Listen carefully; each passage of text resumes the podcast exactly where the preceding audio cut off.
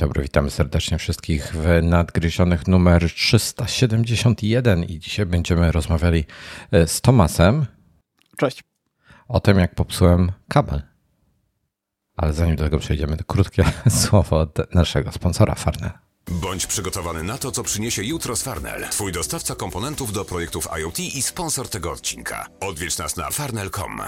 No i jesteśmy. Dosłownie, słuchaj, powiem ci, co się stało. Um, bo musiałem kamerę poustawiać, tamtą, która nie, nie działa. I nie, nie wiem, co popsułem, wiesz, i to jest problem mój. Bo przestawiałem ją na tym ramieniu i wpięty był ten kabel, i gdzieś ją. A, zacząłem. No, ja założyłem. Ja założyłem, że ty po prostu złamałeś e, kabel i że to o to chodziło. Wiesz co, on, się, on był włożony do, do portu mikro HDMI i jak się spojrzałem, to był taki wygięty pod kątem 405 stopni. Czyli no, załatwiłem tam gdzie... mnóstwo kabli. No i pytanie, mhm. czy nie załatwiłem portu, tylko się boję. Y, u mnie za każdym razem było tak, że po wymianie kabla było ok. Tylko no. one mi się łamały tam trochę dalej, y, że zgięcie było. A na kabel wtyk, tak? Y, znaczy tam. Y, jedno zgięcie było tak, jak ty masz, i później po no. prostu kabel jeszcze był bardzo mocno zgięty tam e, już no po prostu na samym kablu, zaraz za końcówką, więc podejrzewam, że one mi się tam gdzieś łamały, ale załatwiłem tak całkiem dużo okablowania. Może, może mi się uda to pokazać. To jest kabel? Nie, nie widać go, bo kamera. O, i te. A to wygląda jest. tak, jakby po wyprostowaniu miał zacząć działać. No właśnie nie zaczął. Y, to powiem Ci tak, mój kabel DisplayPort, który jest teraz wpięty do tego neka obok mnie, to on został tak wygięty, że całą wtyczkę tak jakby rozerwało. Ten A to plastik, ja tak, której... No, tak mam, y, tak, ten no kabel działa. od tego monitora tam z tyłu, nie, nie ten, tylko ten obok, co tam z tyłu jest taki teraz moim palcem. Mhm. E, Wojtek pokazuje monitor z tyłu za plecami. To od niego w ten sposób rozwaliłem DisplayPorta, gdzieś go wygiąłem, jak go, y, chyba jego obracałem, wiesz? I aż rozeszła się ta właśnie wtyczka cała, tam bebechy tego, złożyłem to z mhm. powrotem i, i, działa. A ten nie, nie tego, nie, nie, nie chce ruszyć. Więc muszę kupić kabel, e, bo nie mam drugiego. Mam gdzieś przejściówkę, ale chyba jakie jest złącze w tym, w Raspberry Pi? Mini HDMI czy mikro HDMI? Chyba mini, prawda? Ja mam zwykłe, normalne HDMI. Nie, Więc Raspberry w razie czego Pi... przepinam sobie z karty graficznej z PC-ta do Raspberry i Dobra. działa. Popatrzę, bo ja mam, ja mam model Zero 0W. Ja mam 3B. I nawet nie wiem, czy ja mam 0, 2, 02 czy 1, 0.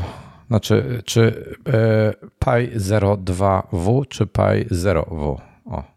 Dla mnie tego jest za dużo. Ja wiem tylko, jak ja mam i wiem, że zerówki to są chyba te takie mniejsze, z mniejszą mocą, tak? E, mikro USB, mikro, ok, jest, mam mini HDMI, a kamera ma mikro HDMI, więc jeżeli mam gdzieś kabel, to mam e, mikro HDMI, e, mini HDMI. Więc nie mam drugiego mikro, także muszę kupić. I teraz pytanie, jaki mam kabel kupić? Panie, na Amazonie jestem. Bo, bo tu jest każdy, duży wybór. Jakikolwiek. Nie ma znaczenia? Tym bardziej, że my nadajemy na StreamYardzie w 720p. No wiem, wiem ale 720p, nagrywam, ale czasami czekaj, chciałbym czekaj. mieć wyższą. Znaczy chcę, żeby ciągnął 4K. Okej. Okay. Natomiast tutaj to 720p jest na nasze dwie kamery razem wzięte na cały obraz, więc tak naprawdę nasze okienka są w 300 tam parę yy, i no, i jest no. pikselowo. Hmm. Mam do wyboru Premium Cord kabel HDMI A, HDMI Mini C. Mam ranki kabel mini HDMI. Wysoka prędkość no, obsługuje Ethernet 3D i zwrot audio. I wiesz co, ja mam problem taki, że nie wiem jaka długość. Nie, dobra, nie będę teraz kupował, muszę zmierzyć kabel. Nie wiem, czy ile on ma. Czy ma 2 czy 3 metry. Może mieć za no, Proponuję zacząć y, odcinek, te tematy. A takie no, rozkminy to do after show. Okej, okay. to, to będziemy rozkminiali później. E, stycz, wtyczką kątową szukaj. E, wiesz co, nie mogę styczką kątową, bo musiałby być po, w bok, a nie w dół, jak jest standardowo, bo mam klapkę od e, portu. Chociaż nie, nie, nie da rady. Nie da rady w tej kamerze zamontować taki. Dobrze. Ty masz jakiś follow-up, o którym chcesz pokazać? Ty masz. No wiem, że ja mam. Mam nadzieję, mam, nadzieję, miałem nadzieję, że ty też masz. Ja dzisiaj Bo... słabo przygotowany. Tematów mało. Mam jeden taki temat, a to na później. E, dobrze, to ja szybko Vive Pro 2 i MSFS-ie. E, przedstawiłem sobie e, ten, tutaj zresztą widać latarnię za mną, tam w, z brzegu ekranu wystaje, widzisz? Tak, najpierw myślałem, że to jakieś GoPro, a jest sposobem ostrości. Tak, tak, to jest latarnia. I ona tak jest skierowana na mnie. Tam trochę pewnie, wiesz co, część tego kadru tej latarni pewnie, nie wiem jaki ona ma szeroki kąt widzenia. Zakładam, że dosyć e, szeroki. Czyli Bardzo pewnie szeroki. ze 100, tak, 150-180 stopni? Ym, no, raczej tak, bo dwie latarnie obejmują mm, cały pokój, taki dość duży. Więc mu, musi być szeroko. A ja tylko dodam, jeśli ktoś nie słuchał poprzedniego odcinka, to mówimy o latarni do headsetu VR-owego, bo Wojtek e, został fanem VR-u i ma taki VR, który potrzebuje latarni, czyli ta latarnia mm, no, musi być gdzieś tam umieszczona, żeby headset wiedział, gdzie Wojtek jest odwrócony. No, no, no to jest, te, te takie mikrowstrząsy zniknęły teraz, jak przestawiłem, ale teraz są takie skoki mm. czasami jakby nie łapał i potem się nagle orientował, gdzie jestem. Więc nie wiem, czy tam monitor lekko zasłania, bo jest taka lekko za monitorem jakby schowana. Eee, nie, nie mam pojęcia, muszę gdzieś inaczej i jeszcze muszę gdzieś tą drugą spróbować podłączyć. Eee, nie puściłem info na Twitterze, że jesteśmy na żywo. Eee, ja tak a propos. tak, puściłeś? To tak, ale tylko napisałem live i link. Mm, Okej. Okay. To... Wydaje mi się, że przez to, że ta latarnia jest y, tak pod kątem do ciebie, a nie na wprost, to mhm. dlatego, że ona jest jedna, to no, może się gubić, szczególnie jeśli obrócisz się w przeciwną stronę. No właśnie, co jest ciekawe, ona się gubi, jak odwracam się w jej stronę i nie wiem za bardzo dlaczego. Mhm. E, więc e, nie wiem o co chodzi. Dobra, e, szybki real-time follow, bo potem zapomnę. To też taki trochę klawiaturowy. Zresztą, dobra, jeszcze coś o Vive, zaraz powiem. E, mam y temat, jak poprawić okay. sprawność i szybkość pisania na klawiaturze mechanicznej, jakieś typy. Pisać, po prostu. Pisać. Są... Um... Ja bardzo lubię Race, Race Typer, chyba się to nazywa, zaraz sprawdzę. Jest Taka strona. Tak, jest mnóstwo stron, gdzie pokazuje ci takie do ćwiczenia i tak dalej, natomiast w praktyce po prostu dużo pisać. Dużo pić. W sensie mam, to, to, to, nie jest tak, że się poprawisz parę dni, będziesz potrzebował na to tygodnia albo miesięcy, żeby, żeby naprawdę szybko zacząć pisać. Ja piszę całe życie sporo na klawiaturze, naprawdę dużo i nadal nie potrafię przebić tam powiedzmy 100 e, znaków na, e, na minutę. E, gdzieś piszę w rejonie 96, gdzieś w tych rejonach. I oczywiście piszę w rejonie tak 96, jak mam mózg włączony i, i wiem, co chcę napisać, bo jak muszę, wiesz, potem pauzuję i się zastanawiam, co dalej, tak? E, więc to mhm. też e, trwa. E, więc jakby jestem zadowolony ze swojej prędkości, ale wiesz, tacy pro to piszą 120-140, także no, także sporo tak, mi no, brakuje. Widziałem takich, którzy piszą po, po 180 i dla nich najszybciej się o dziwo pisze na klawiaturach o niskim skoku. Przynajmniej tych, których ja widziałem. Y, co mnie trochę zdziwiło, bo łatwiej zrobić błąd. No ale jednocześnie hmm, chyba na tyle szybciej ten no, jest to rejestrowane, że po prostu więcej się stanie zrobić w tym samym czasie. E, taka ciekawostka w ogóle, jeśli chodzi o prędkość klawiatur, e, czyli o lag tak zwany. To nie ma większego znaczenia w, w takich, wiesz, codziennych zastosowaniach. Nawet w grach e, śmiem twierdzić, że nie robi to większej różnicy. Bo profesjonaliści grają na takich klawiaturach w sensie mechanicznych i jakoś nie mają problemu z tym, więc e, nie, chyba to nie jest problem. Natomiast e, klawiatura, na, jaka jest najszybsza klawiatura na świecie? W sensie najmniejszy od momentu ruchu twojego palca do momentu pojawienia się znaku na ekranie, czyli cała ścieżka, od momentu, co zaczynasz ruszać palcem, zaczynasz naciskać klawisz, klawisz się rejestruje przez klawiaturę, e, sygnał idzie po USB lub e, bezprzewodowo do komputera, komputer wyświetla znak na ekranie. Która klawiatura na świecie jest najszybsza? Czy szybsza nawet od tej będzie ekranowa prawdopodobnie klawiatura? Nie, w sensie e, fizyczna klawiatura. Z takich zwykłych na pewno się mylę, bo to na pewno jest podchwytliwe pytanie, ale intuicja mi podpowiada, że klawiatura z iPada, ta, z, y, która była y, wodoodporna. Magic Smart Keyboard. Nie, nie, ta wcześniejsza. Wiem, Magic Keyboard jest najszybsza. Ta bezprzewodowa, aluminiowa pierwszej generacji. Aha, czekaj, czyli ta, którą nie, ja mam drugiej generacji. Tak, tak, tak. Drugiej mhm. generacji, przepraszam, bo ona po, po Lightningu się łączy. Po, po Bluetooth jak jest połączona, jest szybsza od większości klawiatur mechanicznych, które mają procesory w sobie, a typu te armowe czy coś i od większości i, i, i szybsza jest od wszystkich klawiatur typu jakieś Razery, Logitechy i tym podobne. I to tak wielokrotnie szybsze. Na zasadzie tam jest typu lag jest 20 milisekund, coś w tym rejonie, taki bardzo niski. A taka klawiatura e, duża, e, typu jakiś właśnie Razer, to ma typu 300 milisekund lag, jakiś te, te, tego typu jest. Więc mhm. spora różnica jest. E, no, ale w praktyce, wiesz co, szczerze, nie, nie, nie widzę różnicy żadnej. Grałem na w CS, na Magic Keyboard, grałem na mechanicznej i to, tak samo dobrze grałem lub źle, zależy z której strony patrzeć. Taka ciekawostka, że jak y, wciskamy przycisk na klawiaturze, to on tak naprawdę tam się wciska, odbija się od tego dna i od naszego palca i on tam by się wcisnął pewnie z 20 razy, więc oprogramowanie wycina te dodatkowe kliki. Y, to zastanawiam się, na ile takie optymalizacje w oprogramowaniu też y, mają znaczenie. Czy mm, ja myślę, że oprogramowanie to, że to jest 95% tego wszystkiego. I mhm. cały software. Wiesz, ja myślę, że klawiatury oparte o QMK nie są specjalnie wydajne, jeśli chodzi o wiesz, optymalizację prędkości działania. Po prostu działają wystarczająco mhm. sprawnie i szybko, tak że nie ma problemu. Natomiast y, nie sądzę, aby to było jakoś, wiesz, wybitnie zoptymalizowane. Myślę, że, że y, inżynierowie Apple tutaj trochę więcej kroków poczynili w tej, w tej kwestii.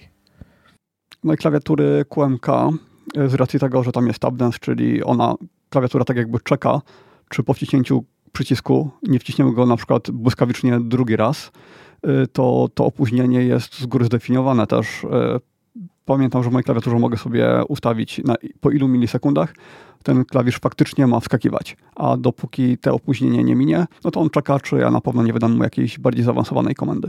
Ja miałem na milisekundę ustawione te opóźnienia na TapDance'a, natomiast rzeczywiście jak ustawisz sobie dłuższe opóźnienie, to on tak długo będzie czekał.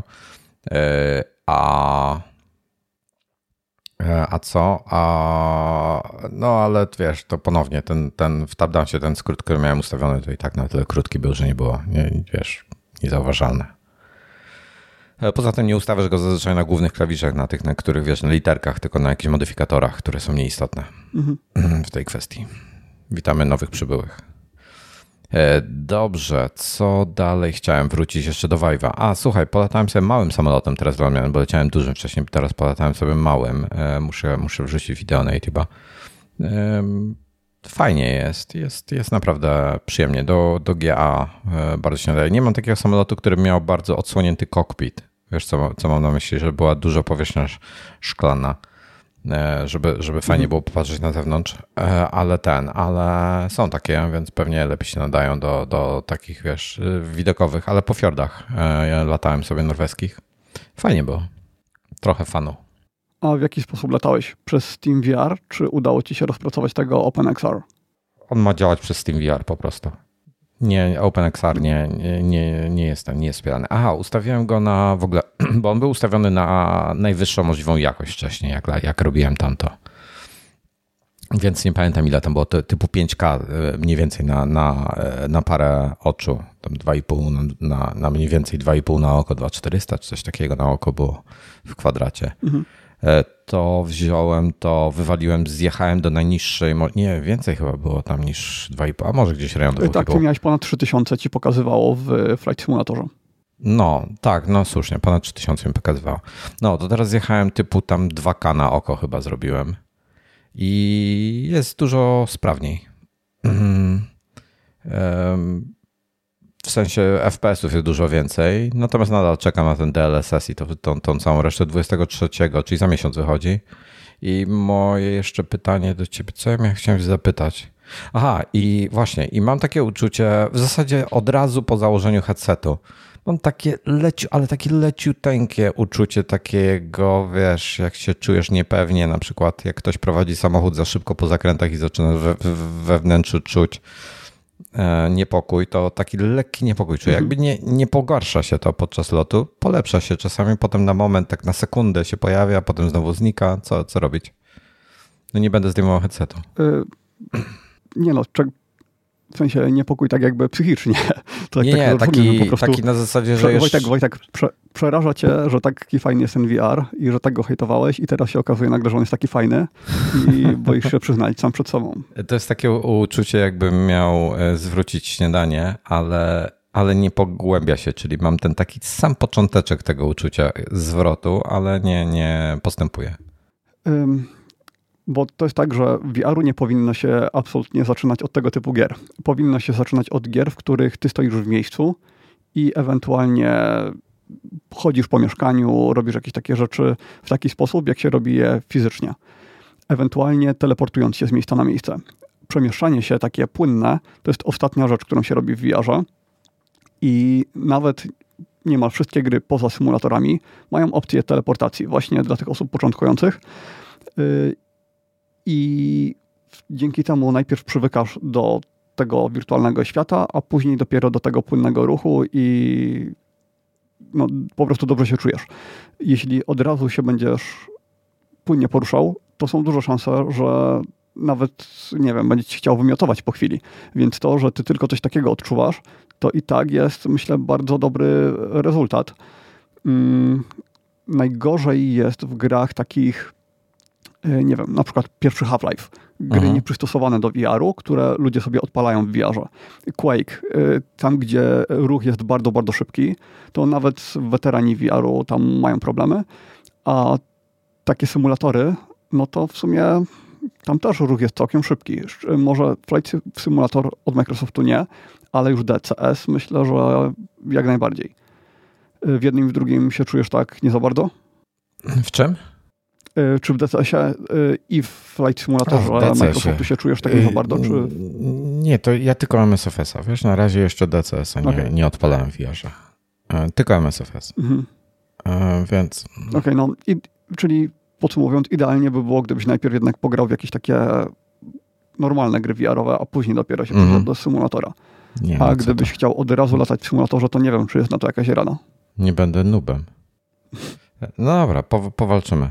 E, następny lot będę próbował w jeszcze inny i zobaczymy. Jeszcze ustawię jakoś inaczej latarnię. Nie wiem, kiedy na to znajdę czas, ale, e, ale taki jest plan. E, tak później myślałem o tym, że jak patrzysz na latarnię, to wtedy gorzej śledzi. I tak sobie myślę, bo ta latarnia, ona chyba wrzuca jakiś tam niewidzialny, roz, albo rozsyła jakieś fale, albo coś tam rzuca na mm, jakiś wzór niewidzialny na to pomieszczenie. Musiałbym doczytać. Natomiast y, jeśli ona jest skierowana tak, y, bo ona nie jest, rozumiem, w samym rogu tego pokoju, tak? Ona jest gdzieś. Ona jest pod kątem 45 jakby... stopni ode mnie. Tak, tak, ale w samym rogu mieszkania, czy nie? Nie, tam teoretycznie jeszcze kawałek mógłbym ją dalej dać, ale wtedy byłaby daleko. No, no właśnie, czy to nie jest tak, że w takim razie ten fragment za A, nią, nie. No. to tam po prostu nie ma żadnych fal, tam nie ma żadnego nic, co ten headset mógłby śledzić. Jest tylko to, co jest yy, między headsetem a latarnią. I czy dlatego to śledzenie nie jest trochę gorsze. Tak zgaduję, ale wydaje mi się to logiczne. Że co, że jak coś z tyłu jest, to gorzej że... śledzi? Jak, jak przestrzeń z tyłu, to gorzej śledzi? Że ale gdybyś ją dał całkowicie do rogu, to wtedy no. lepiej by ci pokryła tą całą przestrzeń i miałbyś większą A, że, że, że większa odległość by była ode mnie, tak? Tak, tak. Wiesz co, nie wiem, nie za bardzo właśnie spojrzałem, dlaczego nie jest dalej. Nie jest dalej, dlatego że tam lampa stoi i nie za bardzo mogę tam już dalej przesunąć się, będę lampy tam roz, rozdemontował i wyrzucał stamtąd. E, więc będzie musiała na tutaj stać, ale umieszczę drugą latarnię gdzieś z drugiej strony, też tak mniej więcej pod kątem 405 stopni. Zobaczymy, czy to coś, coś pomoże, czy nie. No, musi. No, nie wiem jak prądko do niej do, doprowadza, ale ten, ale latarnie są irytujące, powiem tyle. Osobiście, mhm. prywatnie nie kupiłbym VR-u z latarnią, podobnie jak w tej chwili, wiesz, cokolwiek, co, co, co wymaga jakichś mm, dodatkowych kabli i tego, bo to jest kolejne urządzenie, które musisz zasilić. Ja już mi brakuje portów, wiesz, zasilania w ścianie, a mam ich w cholerę. No, zgadzam się. Wolę, wiesz co, wiesz, zasilanie to dla mnie to zasilanie to jest nie jest takim problem. problemem, tylko no to, że jesteś uwiązany do tego jednego, do tej jednej przestrzeni. No. A tak. nie tak, że możesz wziąć headset ze sobą gdziekolwiek i odpalić. Do łóżka sobie pójść, albo na kanapę, albo na balkon, albo cokolwiek, albo do ogródka. No. no. W różnych pomieszczeniach korzystać, tak. No, no, no, no niestety. No bo um. nawet na kablu, y, mimo że ten kabel byłby, no to mhm. można kupić długie kable, więc to jakoś tam da się rozwiązać. Mm, tak, dobra, kończymy VR. E, Mac, MacBooki pojawiły się w końcu, trafiły e, na rynek, trafiły do klientów. E, są pierwsze recenzje, są pierwsze oceny, przemyślenia, skandale i tak, MacBook. 2 Tak, no to dobra, nie, nie. W ogóle. Po pierwsze, tak jak się spodziewano, znaczy nie, nie wiadomo było jak będzie. Po pierwsze, o temperaturze pogadajmy. Nie mają wentylatora w środku, są pasywnie chłodzone i nie radzą sobie za dobrze, jeżeli coś e, obciąża e, M2 dłużej niż te 4-5 minut, a 10 to już w ogóle. I e, po prostu zaczynają throtlować. I throtlują na tyle mocno, że po chyba 10, nie pamiętam po ilu minutach, ale typu po 10 minutach coś w tym rejonie, pracują już wolniej niż M1, która nie throtluje, która działa cały czas na, na pełnej parze, bo jest niżej taktowana i mniej ciepła generuje. A czekaj, Więc... czekaj, M1 też trotluje przecież. Jak, jak to nie trotluje? W Erze trotluje. W Erze trotluje M1? No, no. Ty, z tego co pamiętam, to nawet jeśli ona trotluje, to na tyle mało, że i tak pracuje szybciej niż od M2, bo robili jakiś tam test porównujący. Okej, okay, bo trotluje na pewno i to tak całkiem, całkiem mocno, ale chyba faktycznie słabiej niż ta w M2. Ja nie pamiętam, żeby ona trotlowała jakoś znacząco. Może jakieś inne testy oglądałeś, jakieś bardziej hardkorowe. Um... No na pewno trotuluje w rzeczach typu Lightroom, yy, ale wydaje mi się, że też w wielu, wielu innych zastosowaniach. I też pamiętam, że Paweł Orzech y, strasznie marudzi na tego swojego era właśnie na brak wentylatora. Dlaczego? On chce zmienić tylko dlatego, pa, Paweł Orzech z Jesłosa, on chce zmienić tylko dlatego e, laptopa, żeby mieć w końcu wentylator. A co jest, a czemu, czemu narzeka na ten, ten, na ten brak wentylatora? Bo wiesz, ja miałem tą M1 w Erze, ok, ja nie używałem hardkorowo, nie, nie, tego nie testowałem jej, ale w Lightroomie ją męczyłem i jakby nie miałem problemów z tym, wręcz było bardzo przyjemnie. Nic nie hałasowało. Mhm no nie wiem, to by trzeba tutaj ściągnąć e, Pawła Orzecha do jakiegoś odcinka, niech poopowiada. Mm, ale on nie wiem, czy też w Magica nie gra w jakieś, e, w jakieś A, gierki dobra. na e, tym że nie, nie jestem pewny. Okej, okay, dobra, ja pomijam zupełnie gry, bo jakby to ja jestem, wiesz, jak grać, to nie, niekoniecznie na Macu. Mm. E, dobrze, e, więc tak, po pierwsze, e, pracuje po, po pełnym obciążeniu, jak już się schitsołkuje, czyli nasączy tym gorącem, ten procesor działa wolniej, SoC w zasadzie działa wolniej niż M1. Sam MacBook Air jest lepszy od, od dużo lepszy moim zdaniem konstrukcyjnie od pierwszej generacji. Bardzo mi się podoba. Mhm. Natomiast szkoda, że ekran nie jest mini LEDowy jak, jak Pro, ale to jest fajny komputer nadal Natomiast myślę, że jak ktoś używa do takich codziennych zadań, typu, wiesz, nie wiem, no cokolwiek, nawet montaż wideo okresowy, w sensie, że nie pracujecie na nim, że nie jest obciążony przez e, dłużej niż 10 minut typu dziennie, tak pełne obciążenie, mam na myśli GPU, e, CPU, full obciążenie, coś tam sobie trzaska, czyli do, do takich zastosowań bym go raczej e, nie brał, natomiast do wszystkich innych to bym się nie zastanawiał i, i nie krępował. Ale szkoda, wolałbym nawet tą konstrukcję z M1, myślę. Hmm. Tu jestem właśnie bardzo jest... ciekawy, jakby ta konstrukcja, która jest z M1 sobie poradziła, bo spodziewałem się, że byłoby sporo lepiej. Aha, myślałem, że wolałbyś kupić M1 zamiast no. M2 o to ci chodzi. Okej, okay, okej, okay, rozumiem. Bardzo mi się podoba ta konstrukcja, nie podoba mi się ten SOC. I bardzo, mhm. bardzo się cieszę, że się zdecydowałem na Pro i nie na tego. A konkretnie na, na że, że ma nawet nie tyle na Pro, tylko że ma M1 Pro w środku po prostu.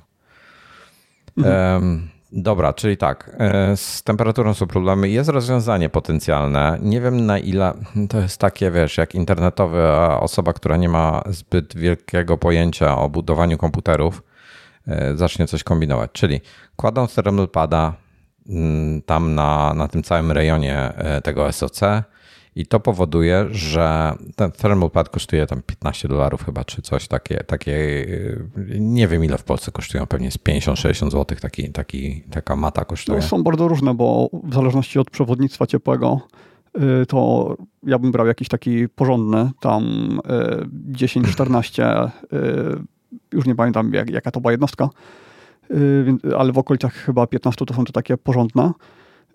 czyli takie jak się używa na kartach graficznych, to one, no myślę, że za 15 dolców da radę kupić. No i teraz tak, bierzesz takiego thermopada i on zaczyna tam przewodzić to ciepło i to ciepło się rozprowadza siłą rzeczy nie tylko na obudowę, ale też na e, sąsiedztwo procesora. I nie wiemy na ile to będzie miało jakiś negatywny wpływ na cokolwiek w środku tam, e, bo tam temperatura jest dosyć wysoka wbrew pozorom, bo e, procesor kręci się chyba do 108 stopni. Przy 108 Apple go zaczyna ale czekaj, przycinać. Yy, bo ten procesor jest tak czy tak nagrzany do takich temperatur, Y, bez tego termalpada, tylko po prostu teraz to. Tak, ale procesor jest takiej wielkości. transportuje. Ale tak jak oni, wiesz, jak patrzysz się na, na konstrukcję, procesor jest takiej wielkości, a thermalpad jest taki, więc on obejmuje elementy w koło, więc siłą rzeczy musi gdzieś przenosić mhm. to ciepło i, i wpływać jakoś temperaturowo na te elementy. Nie wiem, jak, jak to będzie wpływało, być może w żadny kompletnie. Być Ale może... on dotyka tych elementów obok? No, nawet, wiesz, nie wiem, co on tam dotyka, bo widziałem tylko zdjęcia, jak jest założone już, więc nie mhm. wiem, co, do czego on tam dotyka dokładnie. E, zresztą nie analizowałem bo, szczegółowo. Bo nawet jeśli nie dotyka, to teoretycznie to ciepło, które tam do niego dociera, to nie po, po prostu powinien transportować na bieżąco na, na zewnątrz w lepszy sposób, niż gdyby tego pada nie było, nawet gdyby to się nie stykało. No tak, ale, ale, no ale, jak, on transport, ale jak on transportuje to ciepło, to siłą rzeczy ten rejon, na, cały pad się bardziej rozgrzewa I mhm. te okolice też się bardziej rozgrzewają niż bez niego, więc e, no te, jest te, to te dalsze. bliżej tych elementów. Mhm. Okej. Okay. Nie wiem, czy ktoś robił jakieś testy takie długo, długoterminowe, bo te modyfikacje robili już w erze M1. Tak. Mm, natomiast no, problemem jest to, że on się nagrzewa do 47 stopni, przy czym około 50 stopni to jest taka temperatura, która już e, no, gdzieś tam można by się sparzyć trochę. No słuchaj, ja ci powiem, że wiesz, ja nie wiem do ilu się nagrzewam jakieś te poprzednie MacBooki Pro, które miałem, ale jak się rozkręciły na maksa, to były gorące, na zasadzie tak, że były, że, że wiesz, były, były nieprzyjemne na skórze. E, nie, nie, nie powodowały oparzeń, ale były po prostu nieprzyjemne. Natomiast y, na przykład y, M1 Pro, wiesz, może mi chodzić na pełnych obrotach, y, wiesz, wentyle się włączają, słyszę tylko, to wtedy co w Lightroomie odpowiem, to było takie wiesz, taki delikatny szum, ale naprawdę delikatny szum, a spod komputera był chłodny, wiesz, w ogóle taki, wiesz, poniżej 36 stopni na, na bank, bo go dotykałem i był chłodny, był lekko ciepły na tej zasadzie, wiesz, taki letni, więc w ogóle kosmos totalny. E, a tutaj no jest, jest ewidentnie gorzej. Ale to nie koniec. Bo e, są, mm. są nie tylko z temperaturą są problemy, są, są problemy e, z Midnightem konkretnie. No bo no, pamiętamy, no ludzie się dziwią. Ja wiedziałem od początku, że tak będzie. Między innymi dlatego Space Greyów unikałem, chociaż dodatkowo nie podobają mi się po prostu gdzieś się go porysuje, czy, czy uszkodzi, czy coś i pod spodem jest srebrne aluminium pod tą powłoką e, Midnight. Więc jest duży kontrast, no i to jest bardzo widoczne i bardzo brzydko to wygląda. E, I nie polecam.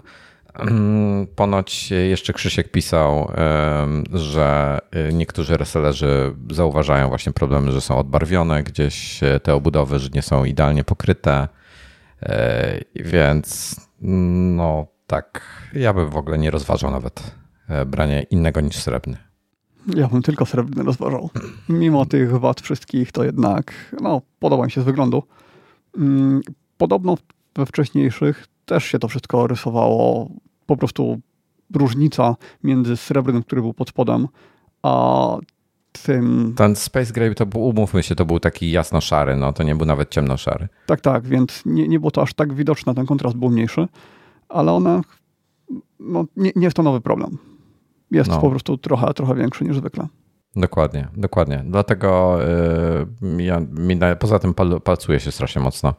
Yy, I ten, a to palcowanie się bardzo mocno to wiem po yy, tych czarnych yy, Surface, które, które mieliśmy w redakcji gdzie no po prostu paluchy na tym są widoczne non-stop.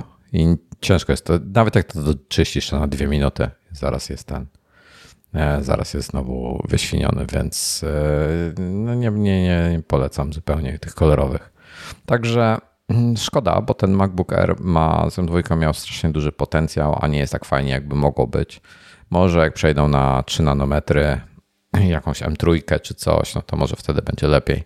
Ale fajna konstrukcja, bardzo fajny komputer, ale mniejszy potencjał ma niż gdyby miałem jedynkę, myślę. Przez to grzanie się i to, wiesz, rozgrzewanie się temperatury obudowy. Także szkoda. E, a po włożeniu pada może pracować chyba do 10 minut, tak wiesz, ciągłej wydajności, a potem, potem zaczyna coś strotlować, więc nie ma, nie ma tam tak, dużej różnicy.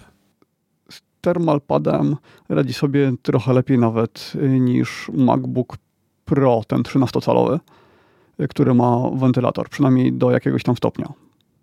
Bo później jak się na długo zostawi, no to pewnie ten wentylator jednak będzie miał przewagę. Ja nie, ja nie rozumiem, wiesz co, jak to jest, że robią taką genialną konstrukcję, jaką jest MacBook Pro 14 cali i, i potem takiego babola, no. Po prostu nie ogarniam tego. I Ale to, zakładam... to na pewno jest bo y, to no jest, jest, komputer no. dla osób, ale to ale, nie jest ale, ale on się nie powinien, Ale on się nie powinien tak rozgrzewać. To nie jest, e, to, to jest armowy procesor. On po, powinien pracować dużo chłodniej niż Intel, a rozgrzewa się jak, jak Intel w środku. Ok, ma przy tym wyższą wydajność, ale y, mam wrażenie, że ta M2 trochę na siłę powstała, bo zwiększyli, wiesz, y, o 13% mhm. chyba wydajność, a średnio, tak. A pobór prądu wzrósł o ponad 30%. I to moim zdaniem była błędna decyzja. Mhm. Skoro ta M2 nie była gotowa, powinni zostać, byli zostać z tą M1. Ona i tak jest lata świetne przed czymkolwiek innym e, w tej kategorii. E, ok, być może Intel byłby szybszy. So what? Intel wymaga chłodzenia, jest głośny, bardzo gorąco pracuje i tak dalej, i tak dalej. Dla, dla, wiesz, dla wielu osób jest to kolosalna różnica. I, I ja bym zawsze wolał mieć, nawet jakby Intel był dwa razy szybszy, to ja i tak wybiorę MacBooka Pro 14 cali, bo ma e, ogromną wydajność i jest przy tym chłodny i cichy. I to, to jest, wiesz, mega combo, tak? Także szkoda. Szkoda. E, gdzieś, e, gdzieś, gdzieś zła decyzja została podjęta niestety i mamy jak mamy. Szkoda. Zobaczymy, co się zmieni, jak nowe procki wyjdą czy cokolwiek. W ogóle y, jako plotę podpowiem, że chyba um, jakieś źródło z Apple'a Germanowi mówiło, że w plana, planują M2 Pro i M2 Max wypuścić e, w trzecim kwartale tego roku, tam bliżej jesieni, e, gdzieś do tego. Planują. Czy się uda, to pewnie zależy od dostawców. Natomiast takie są plany. No, ale szkoda, bo, bo ten R jest świetną konstrukcją, w sensie, wiesz, jako, jako komputer. Bardzo fajny jest, po prostu jest bardzo fajny. Dobra, e, next. E, mieliśmy to takie newsowe teraz. Aktualizacje były wszystkiego, czyli, czyli e, Monterey, iPadOS-a, iOS-a. iOS 16 wprowadza ciekawe rzeczy i tutaj, tutaj myślałem o tobie trochę. Mianowicie kiedy to się, to było w dziesiątce czy w 10S pojawił się układ U1? Chyba w dziesiątce już, czyli ty już powinieneś go mieć. Ten e, Nie ultra... pamiętam.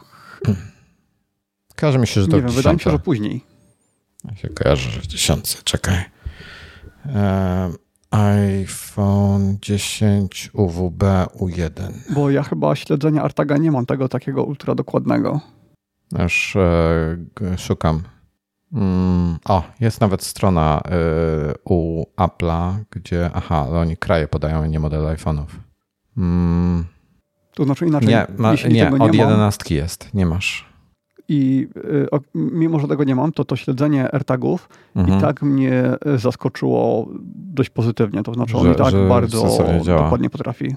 Mm. Dobra, jest 11, 12, 13. Ok, czyli to się nie pojawiło w 10, tylko w ostatnim modelu, czyli jak brałem 11 Pro, to wtedy, e, wtedy miałem. Ok. E, good. Więc, e, więc to jest to, czyli, czyli już jest, są przynajmniej wiesz, trzy generacje telefonów, które to mają. E, I e, mają, e, iOS 16 ma trochę otworzyć to wszystko, czyli że, żeby dostęp do U1 był przez API odpowiednie dla deweloperów trzecich. E, I, i tutaj będzie ciekawa rzecz, bo ponoć będzie można e, HomeKita wobec tego e, używać. No najwyższa pora. Natomiast tak sobie pomyślałem, że to tak jest do kitu. Czyli na przykład, to jest taki przykład, e, firma, e, producent chipów Corvo przez Q pisane, Q Orvo przez V na końcu. Podaje, że właśnie jako przykład, że na przykład wchodzisz do pomieszczenia, ci zapala światło, albo włącza się muzyka, albo coś tam innego się dzieje. To Fajnie. jest przykład, ale kontynuuj. Fajnie, ale tak sobie pomyślałem, że ja wiesz, u mnie iPhone leży, prostu jak jestem w domu, to on leży gdzieś sobie na biurku, czy na kanapie, czy coś i... Bo to nie tyle. tak powinno działać. Poza tym U masz też w tym, w zegarku, prawda? Właśnie chyba nie ma U1 w zegarku. Ale to jak odblokowujemy y, Maki, po one Bluetooth. wiedzą, że jesteśmy bardzo blisko i skierowani w ich stronę. Bluetooth. Nie, kierunek Wydaje mi się, że tak było kiedyś, a że później już nie, ale nie, nie, nie jestem pewny. Y, to, to jest do potwierdzenia. To powinno działać inaczej z tymi 99,9% pewny, że U1 nie gra żadnej roli w odblokowywaniu Maca. Okej. Okay. To powinno być tak, że wchodzisz do pomieszczenia i automatyzacje są po prostu wcześniej zdefiniowane, niezależne od twojego iPhone'a i światło się odpala tak czy tak, ale jeśli masz iPhone'a, to wtedy zamiast tej standardowej może się odpalić inna spersonalizowana pod ciebie. I to by miało dużo więcej sensu, że w zależności kto wchodzi do biura, to ty masz e, takie warunki do pracy, twoja żona ma takie warunki do pracy i tak dalej. Y, to, to byłoby fajne. Ale I wiesz co, to już to wszystko zależy od, e, od twórców, myślę, od deweloperów i od e, no, tak, tych, tak. Co, tych, co tego, więc to, to teoretycznie byłoby możliwe chyba. Pytanie tylko, czy HomeKit da nam taką możliwość takiego warunkowania, Pewnie natywna aplikacja nie, bo tam w ogóle warunków nie ma w niej, y, ale te alternatywne aplikacje firm, firm trzecich powinny. Dobra, Zobaczymy. sprostuję. Są warunki, ale bardzo proste. Tomas je to, Dla Tomasa to nie są warunki, ale są warunki. Ja... Na przykład u mnie się światło wiem, zapala, kiedy pół godziny przed zachodem słońca u mnie się zapala światło. Albo jak ktoś jest w domu, tak. Jak ktoś jest z domu, na przykład ja mam te wszystkie no, automatyzacje świetlne, no to jeżeli nikogo nie ma w domu, to one nie działają, po prostu są wyłączone. Mhm. E, no dobra, a, to masz e, do Mati podpowiada, że, warunków. E, Mati podpowiada, że U1 jest w Apple Watch 6. No. Czyli teoretycznie mam w swoim Apple Watchu. To, to fajnie, ale jakoś nie wierzę, że to będzie, biorąc pod uwagę, jak Apple Watche powoli działają, pomimo E, że są już dzisiaj dużo szybsze, to jakoś tak nie wierzę, że to będzie sprawnie działało.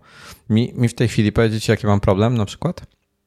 Zmieniałem mhm. sobie automatyzację. Zawsze zmieniam, jak, jak zmieniam automatyzację, zmieniam je na iPhone'ie, bo to jest jakby to główne urządzenie, tak?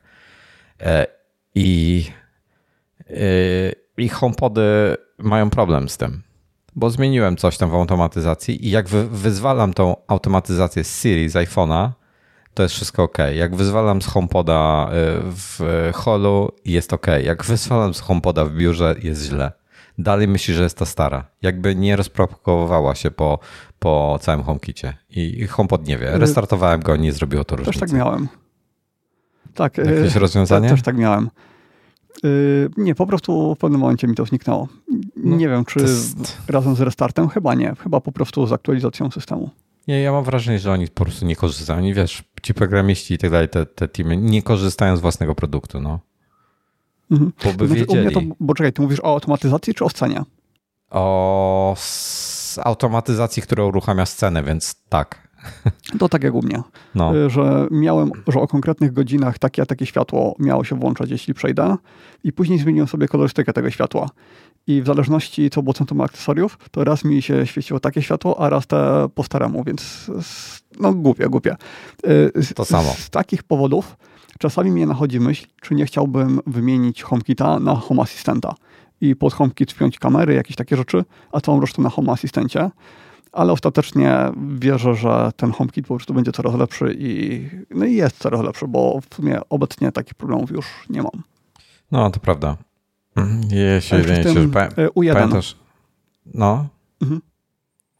Y, bo no. Wyda wydaje mi się, że to, ten chip był wcześniej niż w szóstce, ale nie jestem pewny. Natomiast pa pamiętam, że kiedyś można było obejść to zabezpieczenie odblokowywania maków w taki sposób, że y, wzmacniałeś sygnał, y, jakieś tam urządzenie wzmacniające sygnał było między tobą i zegarkiem i dzięki temu, nawet jeśli zegarek nie był przy komputerze, tylko byłeś już daleko, to ktoś mógł e, podejść i go odblokować. I ten chip U1 to uniemożliwia. E, więc A tą sprawę kojarzę już przed kilku lat, dlatego tak mi coś świta, że to już jest od, od dawna. Wiesz co mnie w macOSie wkurza i do dzisiaj tego jakby, znaczy nie, nie, nie działa to tak, jakbym się spodziewał, bo mam Touch ID w komputerze, mam zegarek, e, więc jakby teoretycznie jest podwójny sposób e, jakiejś tam autoryzacji komputera, ale niektóre aplikacje ambitniejsze, jak na przykład Audio, Audio Hijack, który tam więcej pod maską robi w OSie, jak robię update, a wczoraj robiłem update właśnie do nowej wersji, to jak robię update, to on wymaga wpisania hasła. A sobie ustawiłem jeszcze tak, wiesz, ze względu na to, że jest Touch ID, to ustawiłem sobie trudniejsze hasło, więc mam sporo tego wpisywania. I jest to frustrujące, bo nie działa na niego Touch ID. Nie wiem dlaczego nie tego nie aktywują. Ja tylko w międzyczasie dodam, że sprawdziłem i jest od y, Apple Watch 6 dopiero, więc y, na czacie mieli rację. Mhm. A to, o czym ty mówisz, y, rozwiązaniem mógłby być klucz y, szyfrujący, taki two-factor authentication, który miałby dodatkowo funkcję taką, że jak go wpinasz do portu USB i naciskasz przycisk, to on ci wpisuje wtedy jakieś jakieś cyfry, liczby, znaki i po prostu większą część hasła ci wtedy uzupełnia. Jak będę miał Myślałem pięć portów, to rozważę. Okej. Okay. Myślałem o czymś takim u siebie, natomiast na tym YubiKeyu, który ja mam, y, jest ograniczenie co do liczby znaków. Y, bo gdybym coś takiego robił, to chciałbym, żeby to było już hasło takie, takie naprawdę skomplikowane. Tam nie wiem, z 50 znaków niech ma. I niestety takiego nie mogę zrobić. Wojtek po coś sięga. Dalej sięga. Coś odpina. Chyba będzie przestawiał kamerę. Dobrze, jestem. To jest Camlink, proszę Państwa. Zresztą mm. to jest przejściówka z USB-A na USB-C. To jest kabel USB-A do e, Prze, przedłużka, przepraszam, przedłużka z USB-A na USB i potem jest kabel HDMI. Marki HDMI. To jest to, do czego się wpina kamera. No. Proszę? Tak. E, mówię słuchaczom, że to jest to, do czego kamerę się wpina, żeby była w super jakości. To ile to może mieć? Metr, dwa, dwa albo no ze trzy metry może mieć ten kabel. No raczej tak, raczej trzy. No i niestety go uwaliłem i muszę taki zamówić. Ten jest, słuchaj, pozłacany marki HDMI, więc to jest jakiś wypas totalny. No nic. E, jak macie jakieś kable do polecenia, które wam się sprawdzają, to e, dajcie znać. A jakby byłby czerwony, to w ogóle byłbym zachwycony. No, pod kolor kabla z mikrofonu. Dokładnie. W takiej dokładnie czerwieni. Dobra, rozmontowałem to i mam już spokój, bo wiesz, tak się patrzy na mnie ten kabel i mnie strasznie, strasznie ten e, drażnił. Dobra. Mm. Ty z tymi kablami coś masz, z tymi kablami zasilającymi. Ja tutaj psycholog jakiś mógłby, mógłby to nazwać. To musi mieć jakąś, jakieś określenie medyczne.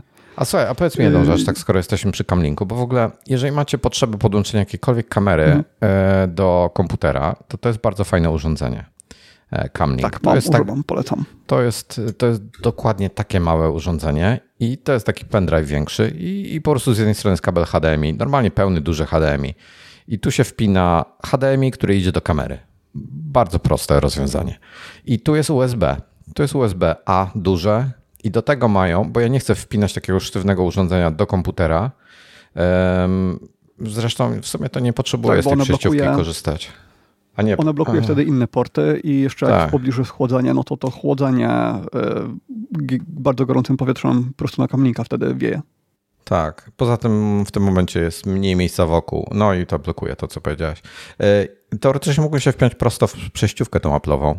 E, mój problem jest taki, że czy, czy ja mogę sobie kupić przejściówkę nie Apple'ową, taką myślisz, że będzie działała poprawnie z USB-A na USB-C i będzie działała mi, żeby nie korzystać, nie, nie blokować sobie tej Apple'owej? Możesz, tak. Dobra, to, to przy okazji zamówię sobie dwie rzeczy w takim razie. Um, dobrze. Co dalej? W ogóle, y, tak jak mówiłem, jak, po, jak potrzebujecie cokolwiek, kamerę do czegokolwiek używać w komputerze, nawet jako webkama, y, to, to, to bardzo polecam Camlinka. Wygodne rozwiązanie i działa przede wszystkim bez żadnych driverów, bez niczego, z PC, y, z Maciem, ze wszystkim. Pewnie z Linuxa nawet. Tak, przy czym, bo ja mam Camlinka, który kosztował tam, nie wiem, 600-700 zł albo nie, dużo. Co? Yy, no, a, jakoś tak. A dodam, że to jest model 4, mój to jest model 4K, ty chyba też masz 4K. No tak, tak. A ile on kosztuje? Bo jest chyba, bo jest chyba nie. Ja z 500 zapłaciłem? Tak sobie myślę? No to wiesz, to może kwestia już marży innej tutaj, ale no to może 6, 6 zł dałem. Ym, I mam też taki za chyba 20 zł, chyba około 20 zł. No. Ym, jakiś no-name z AliExpressu. Mhm. I y, nie widzę zbytnio między nimi różnicy. To znaczy, ok, on nie obsługuje 4K, tylko 1080p, czyli no ja mam kamerę 1080p, mhm. ale jeśli je podmienię, to nie ma szans, żebym się zorientował. Musiałbym może zrobić jakąś top klatkę, dopatrzeć się, czy w cieniach tam y, przejścia tonalne są równie płynne na jednym i na drugim, ale tak jakbyśmy tutaj nagrywali nadgryzionych, nawet gdyby to było nagrywane w lepszej jakości, to nie ma szans, żeby ktoś zauważył, że podmieniłem y, tego kamlinka na coś innego. E, używane chodzą po jakieś 360-70 zł, nówki chodzą po 482 lub 4 zł. E, są jakieś gdzieś tam dwie czy trzy sztuki, które ludzie licytują w tej chwili, stoją po jakieś 170 zł. Nie wiem, czy mają cenę minimalną, czy nie. E, ale tyle. I ktoś próbuje sobie tam trochę więcej z tego wyciągnąć, bo są po 560 jeszcze. Ktoś sprzedaje i ktoś sprzedaje, to jest chyba jakiś nowszy, bo on jest w kolorze takim bardzo ciemnogranatowym, taki nawet fiolet bym powiedział, czy purpurę wchodzi, to po 660 są. Nie wiem, czym one się różnią, a nie są czarne. A skoro nie są czarne, to są gorsze, prawda? No, tak, tak. No, taka jest zasada. No dobra, i tyle. Więc jest w zasadzie jeden model. E, jak się nie streamuje w 4K, to podróbki działają super, mówi Klementyna. Klementyna też ma doświadczenie e, z takimi rzeczami i sprzętami, więc e, no, tyle. Ja bym wolał kupić rasa dobrze po prostu tego kamlinka od razu. Wydacie 100 zł na podróbkę, nie będzie działała, trzeba będzie odsyłać itp. Ale widziałem dość dużo testów i właściwie wszyscy to chwalą. Jeszcze nie, nie trafiłem e, na kogoś, kto by to kupił i zrobił wideo, że, e, że żałuje. Te podróby? No. Są różne, y, ale prawie wszystkie to jest dokładnie to samo, bo jak tam się gdzieś zagłębisz, y, już nie pamiętam jak oni to robili, ale jakoś y, wpinali jakieś oprogramowanie i sprawdzali jakąś nazwę tak jakby wewnętrzną tego urządzenia i się okazywało, że te za stówę i te za 20 zł, wszystkie te, które wyglądają tak samo, to właściwie są e, tym samym. Mhm. Mm, ale są takie też inne, które nie tylko e, że nie tylko wpinasz kamerę, ale jednocześnie możesz też podać ten obraz dalej od razu do e, telewizora. Na przykład, żeby zamiast kamery wpiąć konsolę i nagrywać to, co jest na tej konsoli i mhm. jednocześnie pokazywać to na telewizorze to te są trochę inne i trochę, trochę droższe, ale i, i nawet do tego są chińskie rozwiązania. Hmm. Dobra, e, to mamy w zasadzie chyba koniec follow-upu, czy, czy coś jeszcze tam chcemy pogadać? A, bo w TVOSie były e, zmiany jeszcze. Mm. Hmm. Nie pamiętam, co tam było. Teraz coś się zmieniło, takiego nowego było. Mm. Co było ważne? E, czekaj, patrzę, patrzę. Czy może to jest ten update, który HDR y, wprowadza obsługę wszystkich HDR-ów? Nie. Czy to dopiero w iOSie 16? To chyba to w tvOSie 16 dopiero. Okej. Okay. Eee, wiesz co, kurczę. Ja szukam, szukam, bo tam była jedna rzecz, która mnie interesowała w tym temacie. Ogólnie hmm, e, nie, nie widzę. Nie widzę teraz nic ciekawego. No nie widzę. Eee, no, tyle. W, w, w, ogóle jeśli chodzi o poprawki, to są jakieś poprawki w aplikacji TV, nic jakiegoś szczególnego. Um, jedyne co takiego znaczącego, co było, i chociaż to nie kojarzę, mi się to kiedykolwiek zdarzyło, to poprawka Safari, gdzie e, zakładka może się cofnąć automatycznie do poprzedniej strony, e, bez jakby interakcji użytkownika. To to zostało poprawione we wszystkich e, OS-ach, czyli iOS, iPadOS i macOS. E, a tak, tak poza tym to nie ma tam niczego jakiegoś istotnego. Dobra. E, to co? Pogadamy chwilę o tym, o Farnelu i potem przechodzimy na, na tematy nowe? E, tak, możemy. Ja jeszcze szukam, tylko nie umiem tego znaleźć, bo follow-up dodali, że w końcu pojawiła się, pojawił Ach, się jakiś cennik, jest. więc... Pojawił się cennik, tak. jest, ma być beta. Zakładam, że wstrzymują dodawanie ludzi do tej open bety i jest to na stronie Dali. Będzie już ci, już ci mówię. Trzeba będzie jakiegoś Mówimy linka do tego. O, o tej sztucznej inteligencji, która tworzy sztukę, zdjęcia, grafiki, y, które wyglądają jak, jak prawdziwe. Mhm. Y, wiem, że o tym pisałem na Twitterze, ale gdzie, gdzie to mam? Bo tak miałem to fajnie streszczone w kilku, w kilku słowach. Eee. Hmm. E, szukam, nie zapisałem linka. Widziałem ten news, myślałem, że jakoś tak automatycznie myślałem, że ty go dodasz. E, ale ten, ale jakoś tam nie, nie daliśmy go sobie. E, w każdym razie to mam. jest. Ja też mam. Kredyty dostajesz. Tak, 115 kredytów kosztuje 15 dolarów. Każde wygenerowanie to koszt jednego kredytu. Niestety zaszły pewne zmiany i do tej pory jedno wygenerowanie, czyli wpisujemy co chcemy i to jest jeden kredyt i to nam kiedyś robiło sześć rezultatów. Mm, no i każdy tam się trochę różnił. Y, w tej chwili to są tylko cztery rezultaty. E, zgadza się, są cztery rezultaty. W każdym miesiącu, znaczy w pierwszym miesiącu dostajesz 50 kredytów za darmo, czyli 200 zdjęć. E, ciekaw jestem, czy to będzie się przy jestem, czy to się będzie przenosiło na kolejne miesiące, jak nie wykorzystasz. E, każdy nie. miesiąc później dostajesz 15 darmowych kredytów i jak chcesz kupić, czyli, czyli masz 60, każdego miesiąca masz 60 zdjęć za darmo i e, właśnie te 15 dolarów kosztuje, kupujesz 460 dodatkowych, czyli 115 wygenerowań po 4 każdy. E, ale ważniejsze jest to, że tam rozwiązali kwestię jeszcze no, e, copyrightów i licencji, więc OpenAI daje full usage rights E, tutaj cytuję, e, żeby komercyjnie wykorzystywać zdjęcia stworzone DALI 2, e, łącznie z prawem do odtwarzania ich w jakiejkolwiek formie, na przykład drukowania ich, sprzedawania na koszulkach, na plakatach, jak tam chcecie. Więc tak, jestem przekonany, że wcześniej. Etsy będzie zalane tym. Tak, większość tego była wcześniej. Główna różnica jest taka, że teraz nawet samymi plikami można chyba handlować, prawda?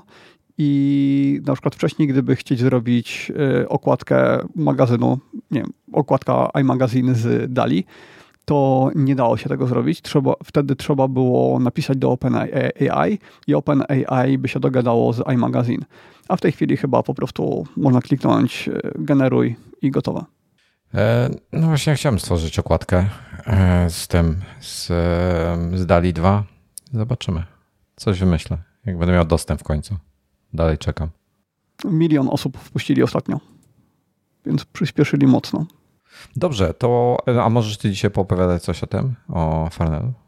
Mm, z kodem iMagazine macie od nas 10% e, zniżki e, na stronie pl.farnel.com i to jest sklep z elektroniką, z komponentami Y, takimi od najdrobniejszych drobiazgów typu, nie wiem, chyba nawet oporniki, jakieś rezystory, y, kable najróżniejsze, y, do rzeczy wielkich, czyli komputery, jakieś stacje ładowania, wszystko co chcecie tam, inaczej, jeśli byście chcieli coś tworzyć, na przykład wpadniecie na pomysł, że fajnie byłoby zrobić odkurzacz robotyczny, samemu od zera zamiast kupować, to myślę, że e, znajdziecie tam prawie każdą część, której do tego potrzebujecie. Albo jak chcecie zbudować robota, e, cokolwiek, to wszystko tam e, macie. Właśnie chciałem sprawdzić. Się... Jeśli, jeśli kupicie dużo, to, to macie zniżkę za. No więc właśnie, jeśli nie jesteście klientem indywidualnym, tylko po prostu macie sklep, to też możecie wtedy od nich brać towar. E, tak, tutaj jeszcze taka jako ciekawostka podpowiem, że ten, że tam są to, to, to na przykład to nie są jakieś duże ilości sztuk, tam ceny hurtowe na przykład baterii, które często warto kupić tak w ilości, nie wiem, 5-10 sztuk, chyba od 10 sztuk się na przykład baterie zaczynają już. E, tak, um, zależy to od konkretnego e, modelu, ale tak, od 10. Widzę właśnie, że Raspberry Pi są na stanie. Jako ciekawostka, bo ostatnio o tym rozmawialiśmy. Do, do, doczytaj konkretnie, bo nie wiem, czy to jest możliwe. A, na zamówienie, dostałem na zamówienie. Hmm. Tak, i 23 rok, więc dalej nie ma Raspberry Pi. No, no. Przerażające, że ich tak, tak ciężko dostępne są. Tak, jeśli będziecie czegoś szukać na Farnelu, to kliknijcie sobie, żeby pokazywało wam tylko y, rzeczy, które są na stanie, bo standardowo filtrowanie jest y, po prostu wszystkiego. Dokładnie tak. Nie, dobra, nie, nie mogę znaleźć. Nie, nie mają chyba w tej chwili. Wszystkie są na zamówienie. Wszystkie Raspberry Pi są na zamówienie. Um, no. E, także, także tak, więc jak chcecie coś ciekawego zbudować, to, e, to tam pewnie znajdziecie podzespoły do tego. Także dziękujemy, dziękujemy Farnelowi za promowanie e, naszych odcinków. Ja się zupełnie na Arduino nie znam, tak właśnie przeglądam teraz ofertę Arduino i to jest tak wiele różnych modeli. Arduino są na stanie podpowiem. Mhm. Ja o Arduino też nic nie wiem. Poza tym, że to jest taki jakby odpowiednik Raspberry Pi, tylko nawet nie pamiętam, czy bardziej zaawansowany, czy mniej zaawansowany. Chyba są droższe, prawda, niż, niż Raspberry, więc... E, wiesz co, ja, ja nie wiem w ogóle, który model jest tańszy, który jest droższy. Tutaj jest na przykład Arduino, to jest chyba jeden z droższych, Arduino Potenta, e, nie, Portenta H7 za 404 zł bez VAT-u E, I to ma e, STM32 układ, to jest armowy układ, który ma tam jakieś Wi-Fi, jakieś inne rzeczy. Dobrze, to, to zostawimy, no, jak będziemy z Michałem rozmawiać. Niech tak, on nam wtedy porówna, ja do czego jest Raspberry Pi, a do czego... Mhm. Arduino myślę, że jest prostsze. Jak chcesz samemu oprogramować, to wtedy, wtedy bym używał Arduino a nie Raspberry Pi. Czyli na przykład jakbym, jakbym budował sterownik dla e, bramy garażowej, przykładowo własny, to bym sobie na Arduino go zrobił. To można pisało. Już widzę, jak buduje robota. To co, lecimy e, z e, tematem Porsche.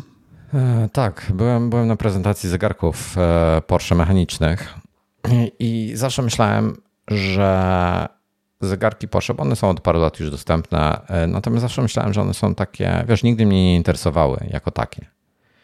E, myślałem, że to są na, na jakichś standardowych układach, znaczy na tych e, napędach, na, na jakichś etach składane po prostu i że to są, wiesz, mechaniczne zegarki, ale nic specjalnego. Okazuje się, że byłem w błędzie. Otóż zegarki są robione całkowicie in-house u nich w środku co ciekawe, czyli, czyli robione są, mają, mają swoją manufakturę zegarkową i zastosowali w ogóle inaczej. Dobra, zacznę od samych, od tego, jak budują samochody. Na przykład, jeśli Nie, chodzi czekaj, o samą czekaj, kierownicę, czekaj. no. Y o jakim w ogóle my mówimy tutaj przedziale cenowym? Czy to są e, zegarki w cenie samochodu? Od jakichś pięciu, czy... od jakichś chyba czy nie pamiętam, czy od 5 tysięcy złotych, chyba od jakichś 5-6 tysięcy złotych. Realnie mówimy o 20-40 tysiącach. Mhm. Mm. Więc to tyle, co dobry markowy zegarek. E, taki bez fajerwerków, tak? Bo z fajerwerkami zegarek, no to mówimy o setkach tysięcy, tysięcy euro e, lub więcej. E, Czyli omegi są gdzieś podobnie wycenione do tego, do tego No, to ta, ta, taka podobna cena.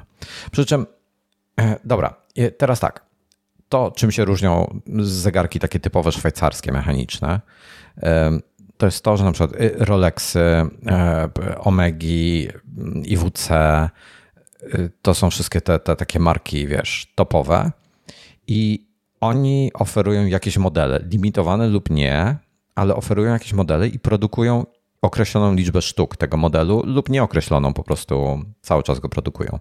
Czasami usprawniają niektóre modele, z czasem się, wiesz, elementy są zmieniane, trochę design jest zmieniany, ale mm, wiesz, to jest nadal to samo. Niektóre są wycofywane z oferty, wchodzą nowe. Jak, jak typowa, typowa po prostu producent produktów, tak? E, natomiast Porsche podchodzi do tego inaczej, bo każdy zegarek E, modyfikujesz e, pod własne preferencje. Masz wiele elementów w zegarku, które możesz sprecyzować, jak mają wyglądać, jakie mają być kolorze, jak ma wyglądać, jak mają poszczególne elementy wyglądać. I zaraz do tego przejdę. Chodzi o to, że po pierwsze, jak na przykład zamawiasz, jak zamawiasz Porsche 911, to jak się dowiedziałem, możesz mieć 172, 172 różne, 178 różnych kombinacji kierownicy, jeśli chodzi o wygląd. Czyli może być z zamszu, może być skórzana, może być e, ze szwem czarnym, kontrastowym. Kolorów szwów jest mnóstwo. Szwy można też sobie zrobić na zamówienie. Kolor nici. E, mogą być stawki karbonowe, drewniane, aluminiowe i tak dalej, i tak. Tych kombinacji jest po prostu mnóstwo.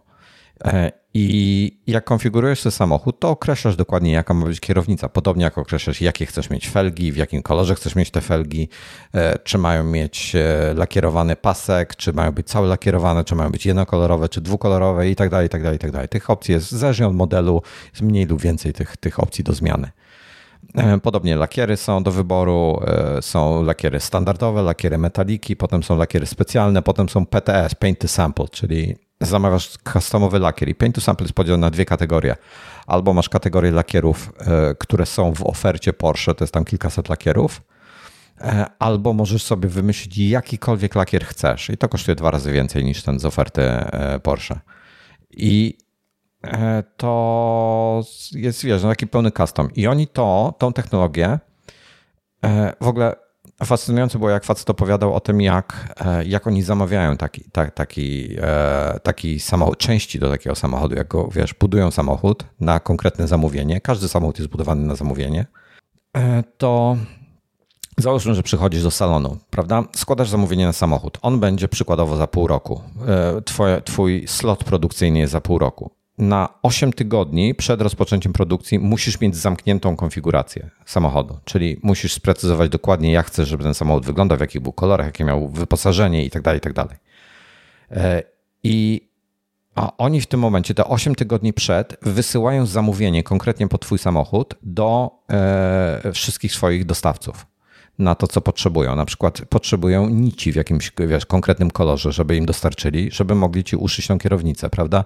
Czy, czy yy, nić kontrastowa do, do skórzanych foteli i tak dalej, i tak dalej.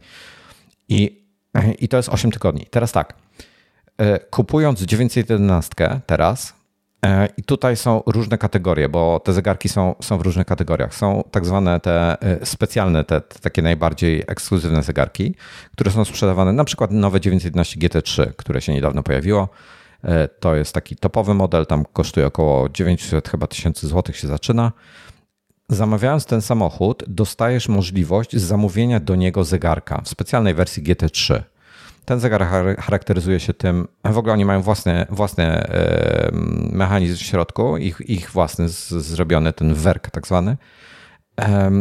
I ten zegarek możesz sobie e, zrobić custom tego zegarka. Możesz sobie zrobić skonfigurować wiele elementów, na przykład tarcza, w jakim kolorze ma być. Tam jest taki pierścień kolorowy. E, możesz zdefiniować pierścień taki na obudowie. Czy obudowa ma być e, czarna czy srebrna. Tam w niektórych modelach jest jeszcze kilka innych odcieni. Zawsze z tytanu zrobiona w ogóle. Oni oferują tylko i wyłącznie tytanowe e, obudowy, a wynika to z tego, że obudowa nie powoduje. Tytan jest lekki, jest wytrzymały jest odporny na zarysowania i antyalergiczny, czyli nie, nie, nie powoduje żadnych podrażnień skóry, więc jakby te wszystkie cechy i dlatego zostają tylko przy, e, przy tytanie. A jakie ma wady tytan? Bo pamiętam, że e, Apple się wycofało z tytanowych MacBooków. Cena. Ale tylko cena, czy chodziło też o to, że one się wyginały, czy coś?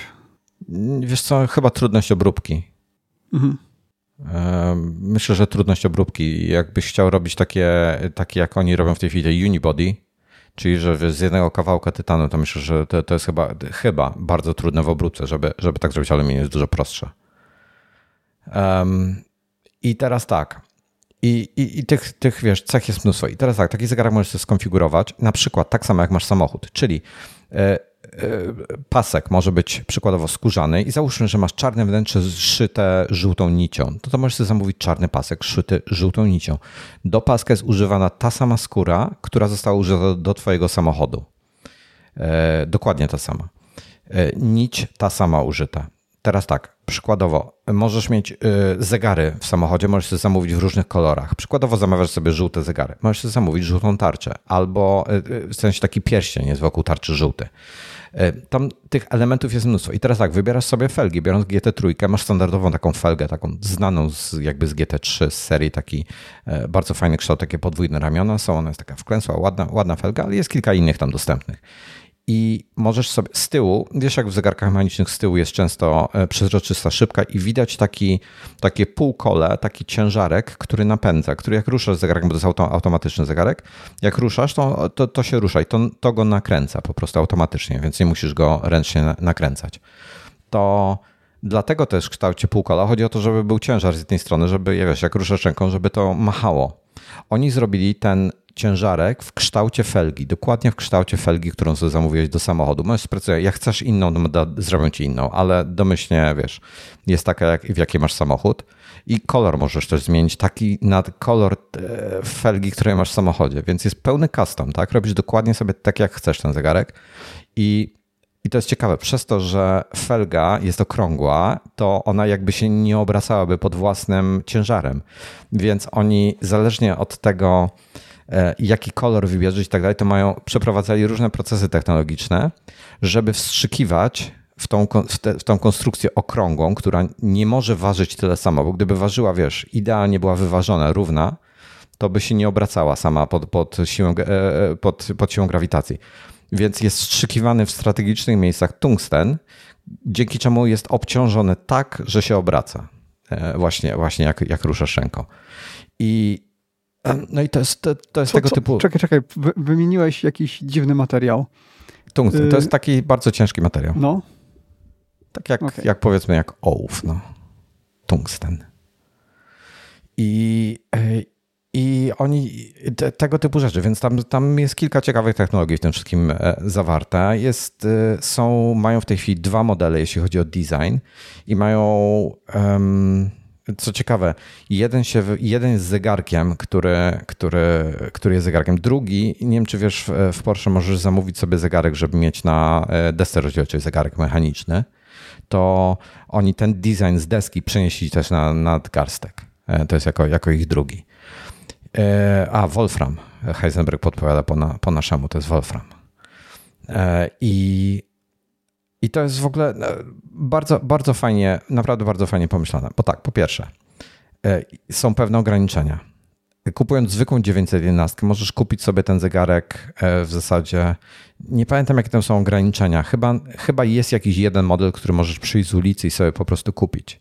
Natomiast te modele specjalne, aha, z przodu, na tarczy w ogóle, e, są te tak zwane komplikacje, e, czyli, czyli jak, jak na przykład daty ci wyświetla i tak dalej. I tam jest w jednym miejscu, bo jest chyba chronograf i bez chronografu, ten taki, ten specjalny model i wyświetlać się zależnie, na przykład jak masz GT3, to tam masz taką tarczę, która się tam, taką małą, taką komplikację, która się obraca i tam jest logo GT3 wtedy. Logo GT3 jest gdzieś też na pasku, w jakimś tam innym miejscu. E, I to jest ten model specjalny. Teraz tak, możesz kupić tylko jedną sztukę tego zegarka z jednym samochodem. Jeden samochód, jeden zegarek. Nie kupisz więcej. E, ludzie najczęściej z tego, co, co opowiadają, w ogóle 8 na 10 klientów tych, tych, tych takich wyjątkowych modeli Porsche zamawia zegarek do kompletu i najczęściej e, konfigurują je tak jak samochód, żeby był zrobiony tak jak samochód. Dlaczego? Część osób wychodzi, część osób sprzedaje potem samochody, a zegarek sobie zostawia E, żeby mieć pamiątkę po prostu potem i, i wiedzieć, jaką konfigurację mieli, więc od razu jakby odzwierciedla to. E, część osób, e, żeby podnieść wartość samochodu, bo po prostu wiesz, jest, jest wyjątkowy zegarek w tym momencie do kompletu. Część osób w celach kolekcjonerskich i wiesz, no to, to, jest, to jest naprawdę fascynujące, jak oni do tego podeszli, bo oni rocznie produkują tylko kilka tysięcy tych zegarków. W tej chwili chyba w tym roku e, Stany Zjednoczone zamówiły, tam e, zamówiły. E, mają zapotrzebowanie na 3,5 tysiąca sztuk i oni nie są w stanie spełnić te, tych 3,5 tysiąca. To znaczy, że oni też samochodów tak mało sprzedają, tak? No bo 8 na 10 osób zamawia. Czy to jest tylko w przypadku tych Mówię najwyższych? Mówię o tych, o tych najwyższych, tych specjalnych modelach, które tam się sprzedają okay. w niewielkich ilościach w porównaniu ze zwykłymi. No i mhm. tych samochodów, wiesz, nie, nie pamiętam ile w Polsce sprzedali w zeszłym, ale to ładnych parę tysięcy sztuk w samej Polsce poszło. E, Porsche, różnych, mhm. wszystkich modeli. No i tam będą, i, i w tej chwili są właśnie na, nad, mają tam plany rozszerzenia tego wszystkiego. E, kombinują też, żeby zrobić jakąś specjalną edycję dla e, właścicieli Cayenne, czyli tych, tych SUVów Więc no zobaczymy, ale powiem Ci, że byłem na, na maksa zaskoczony. No i taki podstawowy zegarek. Oczywiście tym wiesz, więcej kombinujesz, tym bardziej go konfigurujesz i tak dalej, tam więcej bajerów do niego wkładasz, on się robi coraz droższy. Ponoć średnia konfiguracja, taka mniej więcej, tak najczęściej wyjeżdżająca z salonu, to jest, to kosztuje około 400 tysięcy złotych. Realnie te specjalne modele zaczynają się od około 20 tysięcy. Co wiesz, jak kupujesz samochód za bańkę, to to nie jest jakaś duża kwota, tak? Mhm. Więc to fajny dodatek. Podejrzewam, że, że większość właścicieli ich nie nosi, tylko są to zegarki takie wystawowe. Natomiast fajny no, pomysł. Większość właścicieli takich samochodów to ma pewnie tyle zegarków, że faktycznie już nawet nie potrzebują kolejnego, tylko no, do celów kolekcjonerskich. No to jako ciekawostkę ci powiem, że e, dowiedziałem się też, że. A, pa, dobra, to jeszcze papla szybko. Real time watch. Czy zegarków dla Porsche nie robi szwajcarska firma Tagoyer? Nie, Tagoyer robi za pozwoleniem Porsche. To nie jest nawet współpraca, tylko to jest za przyzwoleniem Porsche. Robią te modele, e, ale one nie są oficjalnie wspierane przez Porsche, czyli jakby sankcjonowane. One są, one jakby Porsche nie, nie nie ma pretensji do Taga o to, że oni to robią, ale oficjalnie tego nie promują przez siebie, oni mają własne. E, więc też takie ciekawe podejście. Um, czyli oni mają zupełnie inne serie zegarków, tak? One wyglądają inaczej, inny design, tylko też są jakoś tam oznaczone brandingiem Porsche. Tak. Okay. E, I teraz tak, w ogóle E, mechani te, te jako teraz ciekawostka, jako mechaniczny e, zegar, e, mechaniczny ten dział mechanicznych zegarków Porsche wywodzi się z marki Orfina, to jest szwajcarska marka, czekaj, spróbuję coś, bo niewiele o niej wiem, spróbuję szybko coś odszukać. To jest firma, która została założona w 1922 roku i ona w tej chwili po prostu dla, e, e, robi te zegarki Porsche Design. E, one się nazywają Porsche Design Watches. E, I taka ciekawostka.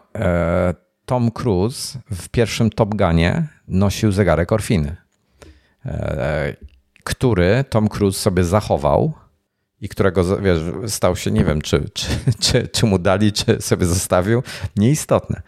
E, zostawił sobie tą Orfinę z tego 85-6 roku i e, występował, nie zauważyłem tego, ale w nowym Top Gunie, teraz ten co Token Maverick, co teraz był w kinach, to ma ten sam zegarek na, na, na ten z tych lat 80. Więc to jest ten sam zegarek. No. E Także, także tak. E, Orfina w ogóle ja nie jestem pewien, jakie oni mają dokładnie tam powiązania finansowe, ale z tego co zrozumiałem, bo byłem akurat lekko się spóźniłem na ten początek, na ten wstęp o Orfinie. Z tego co zrozumiałem, oni kupili Orfinę. Po prostu Porsche jako firma kupiła Orfinę, więc są, są jej stuprocentowym właścicielem. E, no, a tyle. A, y, a jako ciekawostkę jeszcze podpowiem tak z bardziej znanych postaci. Sean Connery w, jako James Bond w Never Say Never Again nosił orfinę Military Mark II i e, to już mówiłem o Tomie Cruise. Chuck Norris e, nosił Orfinę w Delta Force i Bridget Nielsen w Beverly Hills Cop 2. E, Bridget Nielsen, jeżeli nie wiecie, to była to taka bardzo wysoka blondyna na krótko ścięta, która tam ma, nie wiem ile ona, z 1,90 m wzrostu chyba ma. Więc jakby jest bardzo imponującą postacią. Mm, no i tyle. Takie ciekawostki, jeśli, jeśli, ten, jeśli chodzi o zegarki mechaniczne. E, więc fajnie. Ja się spodziewałem, że to będą takie normalne zegarki, że wchodzisz do sklepu, mówisz poproszę tego i wychodzisz z nim. E, to, to jednak zupełnie coś innego. A, właśnie. Bo... I tu jest ciekawostka. E, zegarek się produkuje od 8 do 12 tygodni. Zresztą podobnie jak samochód, co jest ciekawe. Jest całkowicie ręcznie składany i fajne jest to, że oni podobnie jak w przypadku samochodu muszą też zamknąć specyfikację na. Oni mają 8 tygodni, e, więc starają się wtedy w 8 tygodni. I teraz tak, oni starają się tak zgrać proces produkcji zegarka z samochodem, żeby zegarek dojechał w tym samym momencie, żeby klient e, odbierając samochód odebrał też zegarek. Nie zawsze się to udaje z różnych powodów E, bo czasami produkcja po prostu się wydłuża do tych 12 tygodni, natomiast e, starają się tak zrobić. jednocześnie nie ograniczając, wiesz, nie chcą e, tych w zamknięciu konfiguracji samochodów wydłużyć do 12 miesięcy, e, tygodni z 8. E, więc taka, taka ciekawostka, w większości przypadków im się to udaje. Także taka fajna rzecz. A i przenieśli swój, swój sposób pracy z, z wiesz, tego, tego proces budowy samochodu, czyli to, jak składają zamówienie na poszczególne części i tak dalej, przenieśli to do tego działu zegarkowego. E, i oni nie mają w tej chwili na przykład na stanie, e, nie mają tysiąca kopert, tysiąca tarcz, tysiąca pasków i tak dalej. Każdy element, jak zamawiasz, klient zamawia, jest robiony w jednej sztuce na zamówienie i nie możesz kupić drugiej. Czyli nawet jak masz ten samochód, zniszczysz sobie zegarek, zgubisz, ukradną ci go, e, kupisz samochód używany i ktoś ci nie da razem z nim zegarka, czy nie sprzeda ci zegarka razem z samochodem, nie dokupisz do niego już więcej zegarka. Jedna sztuka. Czy to jest tak, że ten zegarek dzień po kupnie jest wart więcej niż był wart przed chwilą? Ja myślę, że ten zegarek jest wart więcej wtedy, kiedy jest sprzedawany razem z samochodem. Mhm. Takie jest moje podejrzenie. I podnosisz wartość samochodu też e, te, te, w tym, że do niego jest jakby zegarek w komplecie. I podejrzewam, że dlatego większość ludzi też zegarki konfiguruje w konfiguracji samochodu, czyli jak mają, nie wiem, żółtą nić w samochodzie, to mają żółtą nić na skórze paska w zegarku. E, żeby jakby to wiesz, było widać, że, że one są tym samym.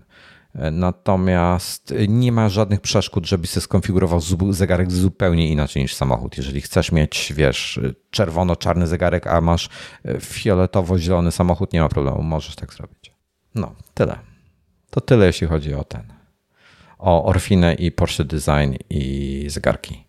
Bo Porsche Design to jest firma, która projektuje chyba, nie wiem, no najróżniejsze rzeczy. Pamiętam, że jak y, pierwsze okulary chciałem kupić, to podobały mi się właśnie jakieś y, Porsche Design, ale mnie się ta firma zawsze kojarzyła z taką y, tanią, to... że nie pasowało mi to do...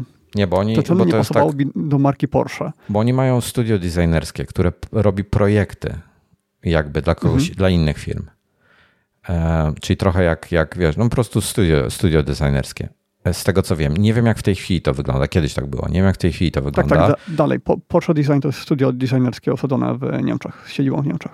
Tak, a e, zegarki są robione przez Porsche Design Watches chyba, więc to jest jakaś e, e, subfirma mhm. kolejna dla Porsche, wywodząca się z marki Orfina.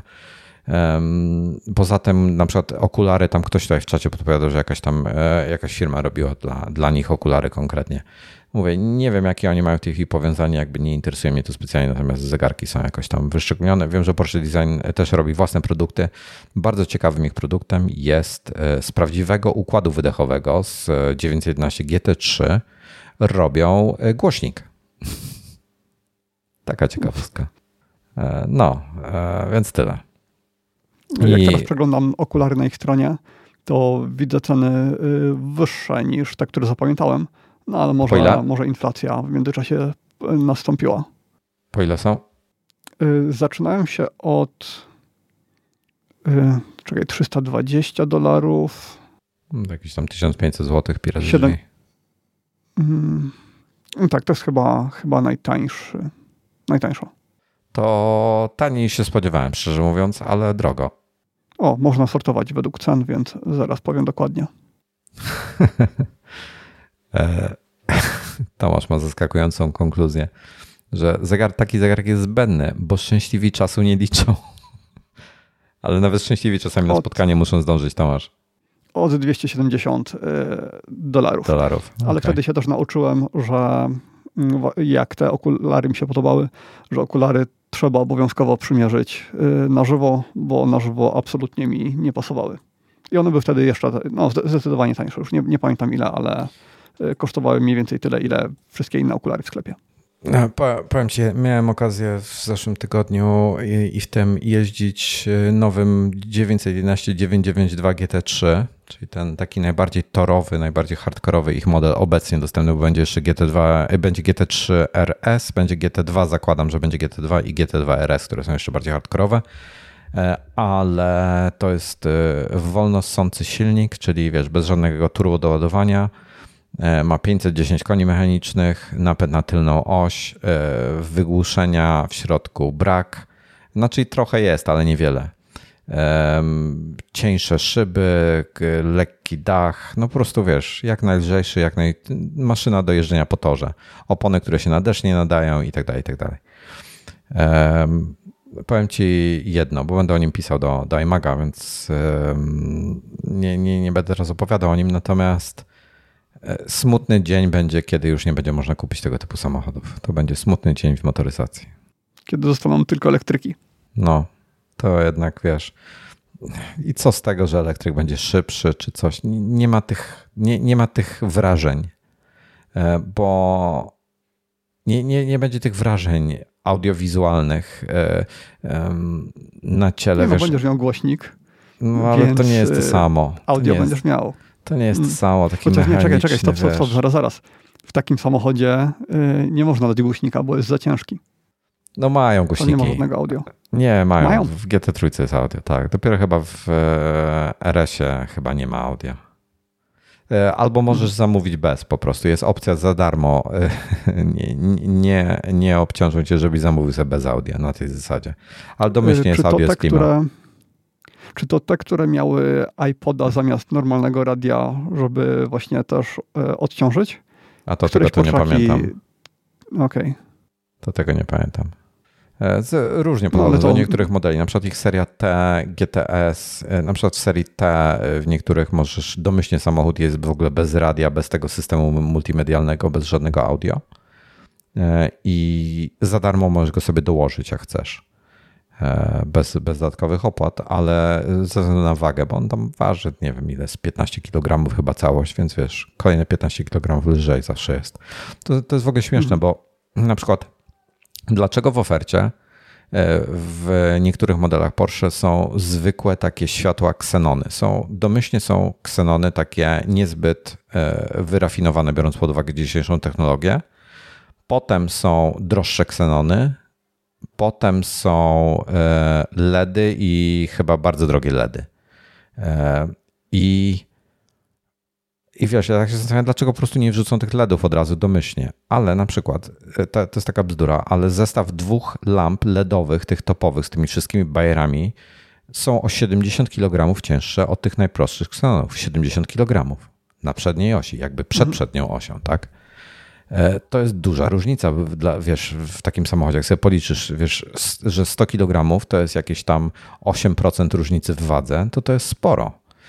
E, więc dlatego na przykład oni, oni praktycznie w Porsche mają wszystko e, wymierzone i wyważone. Na przykład jeżeli zamawiasz sobie w którymś tam modelu deskę, która jest pokryta skórą, zamiast po prostu taka zwykła plastikowa, w sensie z tworzyw sztucznych, nie plastikowa, ale wiesz o co chodzi, to hmm. ona jest typu o 300 gramów lżejsza wtedy, bo jest mniej materiału zużyta, skóra jest lżejsza. Ona jest taka, to jest taka cieniutka skórka pokrywająca tą, tą powierzchnię. Takie w ogóle, wiesz, no kurde, nikt normalnie nie zwraca na to uwagi, ale, ale niektórzy kupują tytanowe śrubki do, do rowerów. No.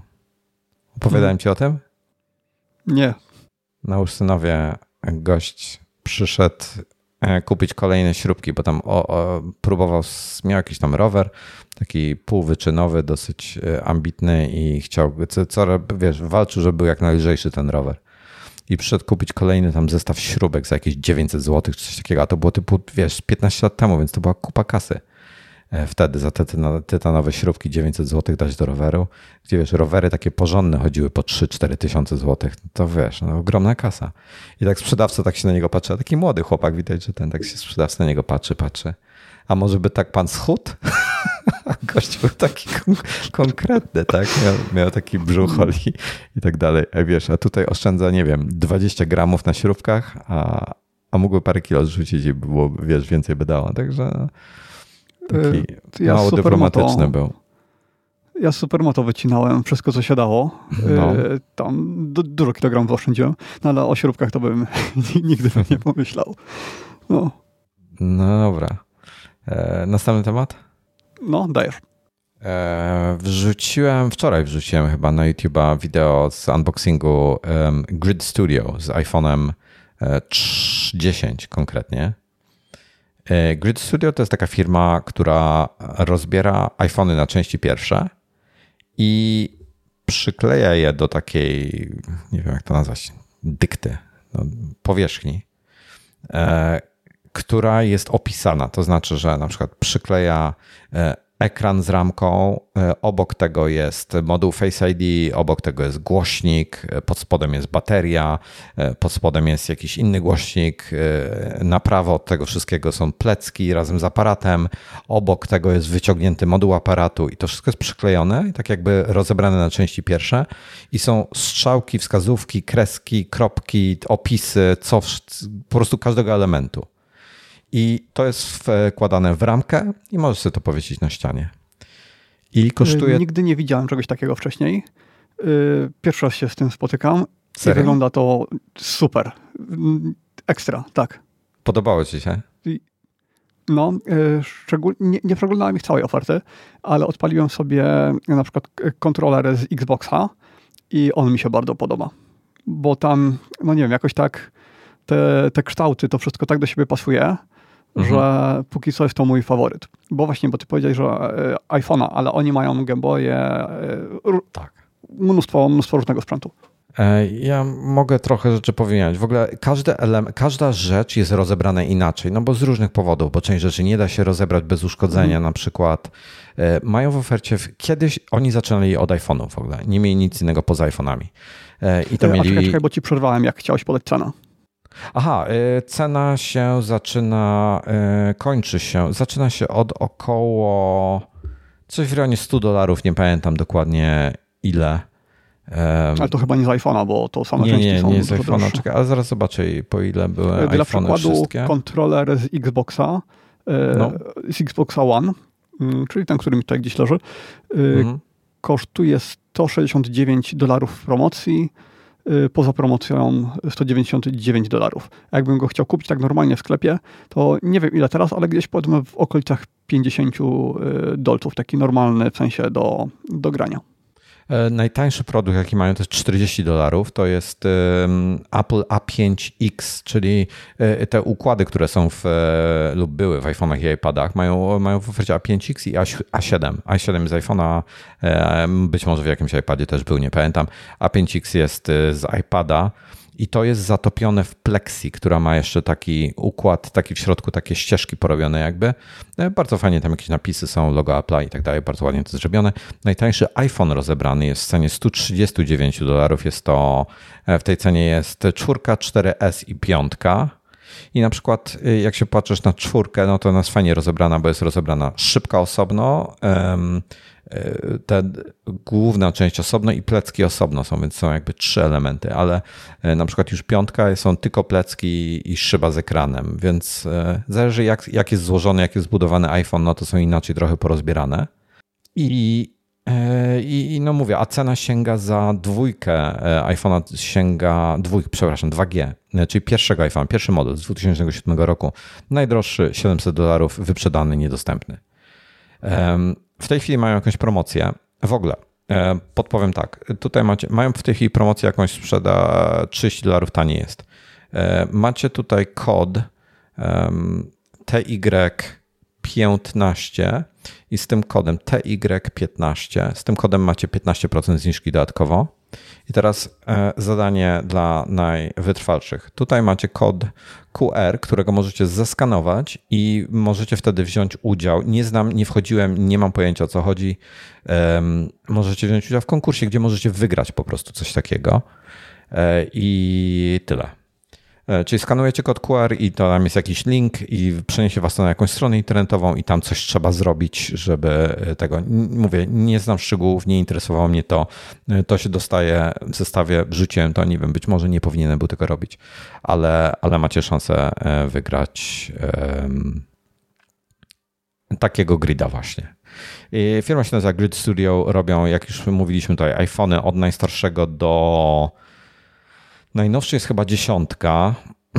Tak, najnowszy jest dziesiątka, robią też iPada mini pierwszej generacji. Moim zdaniem e, warto, znaczy są trzy modele w historii Apple'a, które były unikalne, najważniejsze. Jest to pierwsza generacja, bo jest to pierwszy tego typu smartfon, pierwszy komputer w kieszeni. To nie jest właśnie nawet smartfon, już tylko, tylko komputer w kieszeni bazujący na macOSie i na, na podwalinach, powiedzmy, macOSa, mające naprawdę poważne możliwości. Oczywiście dzisiaj są większe niż kiedyś były, ale jakby nie patrzeć, to był wtedy komputer. Dwa. iPhone 4, pierwszy smartfon z retiną. Jak ja pamiętam, to do dzisiaj w Londynie kupowałem go. Jak spojrzałem na ten ekran, byłem w szoku, nie było widać pikseli tak wysoka rozdzielczość, kosmos totalny dla mnie to był wtedy. Pamiętam to do dzisiaj, jak patrzyłem na obok, miałem 3GS-a swojego i tą czwórkę i nie, nie wierzyłem własnym oczom e, na to, co patrzę. To byłem, byłem w e, ogromnym szoku.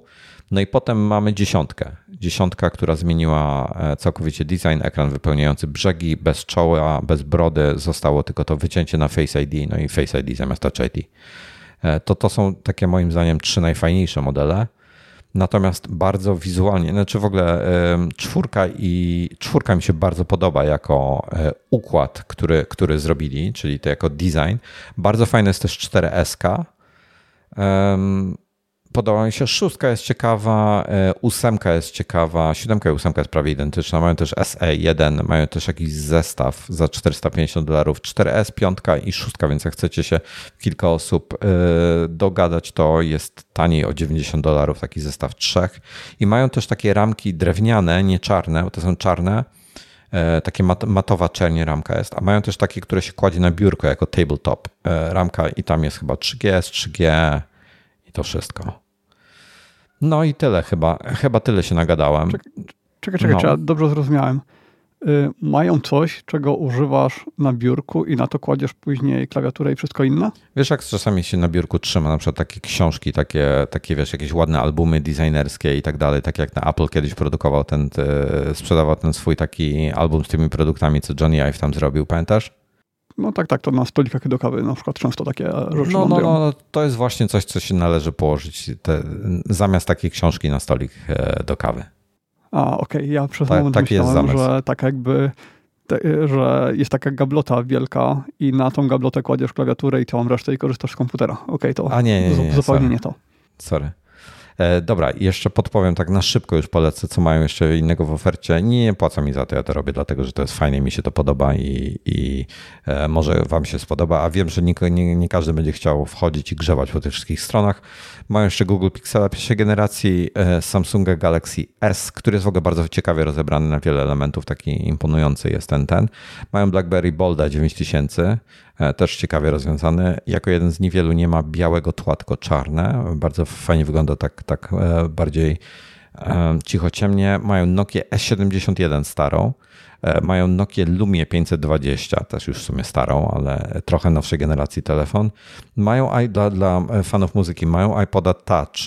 I to jest potencjalnie jeszcze jeden iPada mini pierwszej generacji do Game Boy. Zaraz przejdę. E, mają Apple Watcha e, pierwszej generacji Series Zero. E, kurczę, nie otworzyłem tego, nie wiem gdzie to jest w tej chwili, ale mają iPoda Classica i to jest potencjalnie jeden z najciekawszych poza, poza iPhone'ami. Mm, gdzie ja go widziałem? Portable Media Player.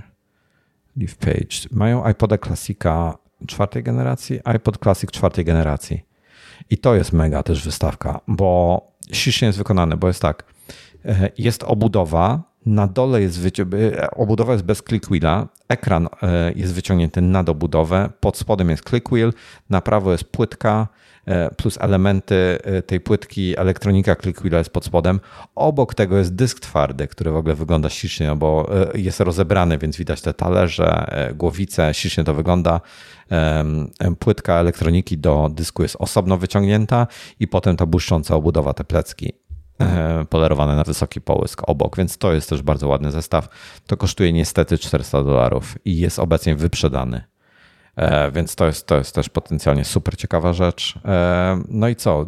Aha, Game Boy, miałem Game Boya powiedzieć, bo to jest też, to, to mi się podobało. Z Game Boy mają mm, wiele modeli. E, jak znajdę, to wam powiem, co mają. E, mają Game Boya, Game Boya kolorowego, Pocket, Advance, SP, NDS Lite jeszcze mają e, i Game Boy Advance oraz J-Cony, J-Cona po prostu rozebranego. Też bardzo fajnie wygląda tak kolorowo, bardzo ładnie. Sony mają PSP 1000, PSP 2000, PS Vita i DualShocka 4 rozebranego e, Game Gear. Nie wiem, co to jest. A, to jest Sega. Sega Game Gear jest też rozebrana. W ogóle to jest jakiś kosmos totalny kontroler Xboxa, e, Xbox One i wspomniany Apple Watch. I tyle. No i przyznaj, że ten e, Xbox przepiękny. Podoba ci się ten Xbox, tak? Tak najbardziej. No. A dlaczego? Co, co, co cię w nim tak urzekło? Bo ja nie widzę tego jakby. Nie wiem, on ma to rozłożenie elementów takie inne A, niż wszystko, że na samym środku no. Y, masz ten, tą obudowę, tak. pod spodem ten cały układ scalony Dobra, i przyznaję. wokół tego się rozkłada wszystko inne. Jest tak trochę Więc, taki rozstrzelony wy... jest. To jest jedyny z, y, układ, który jest taki jakby na środku jest Game Boy plus pod spodem e, e, kontroler i pod spodem elektronika i wszystko inne się rozstrzela od tego środka tak na zewnątrz. Tak eksploduje. Tak, podoba mi się, ładny jest. Potem tak jest inne się. niż wszystko, wszystko inne, co mają w ofercie. No, bardzo fajny. Nie, naprawdę fajne produkty robią. E, fajne rzeczy, więc jak Natomiast chcecie... Nie wiem, no. nie wiem, co bym miał zrobić czymś takim, gdzie to postawić. Gdzieś na ścianie czy powiesić. W biurze, czy e, pasowałoby to do salonu? Chyba, chyba nie. W biurze może. To wiesz, ja to mm. na tej zasadzie, jak, jak te tutaj mam te, te swoje plakaty, tak? To w tym, w tym klimacie mm -hmm. bym to wykorzystał. No, nie, tak. nie, nie, widzę innego, innego zastosowania. Um, jak Ale muszę krytykować. będzie działać. Nie, nie będzie. No, krytykuj. Za ich stronę internetową. Na Firefoxie jest tak, że jak klikam w jakiś link, to się mnie pyta, czy na pewno chcę opuścić stronę, na której jestem. Muszę kliknąć to. opuść stronę i dopiero mogę przejść dalej. I to, to jest jedyna strona. Safari. O, to samo jest e, Safari. Nie wiem, z czego to wynika. To jest jedyna strona, na której e, coś takiego spotykam. Jak gdzieś to w jakichś sklepach. Nigdy, nigdy wcześniej ja to gdzieś spotkałem w jakichś sklepach internetowych, gdzie jak zaczniesz jakieś dane wprowadzać, na przykład jakieś zamówienie czy coś i klikniesz, to on się wtedy A, cię pyta. Tak. Więc tak, tak, ale może... żeby za każdym kliknięciem, to, to nigdy. No, nie, coś jest, coś jest nie tak. Ogólnie z um, tym, co ona tam ładuje w tle, czy coś robi, czy coś. No, ale to naprawia e. Pewnie tak. Znaczy powiem tak, kiedyś byłem na tej stronie i nie było tego, więc nie wiem z czego to się bierze. E, w ogóle powiem ci zupełnie szczerze, że ten, ten grid, oni zaczęli funkcjonować kilka ładnych lat temu, bo pamiętam wiele lat temu patrzyłem na ich produkty i, i polowałem od wielu lat na tego właśnie iPhone'a 2G, ale dalej nie jest dostępny. On czasami się na krótko pojawia, pojawia się kilka sztuk, wiesz, jak, jak im się uda gdzieś dorwać pewnie iPhone'a, tego rozkładają i, i wtedy robią coś takiego. E, natomiast patrząc na w tej chwili ceny iPhone'ów tych 2G, to podejrzewam, że już możemy, możemy już nigdy nie zobaczyć tego modelu w, u nich w ofercie. Mhm. E, no więc tyle. E, tyle jeśli o to chodzi. gridstudio.cc taki mają adres i tam możecie też złożyć zamówienie, wysyłają do Polski.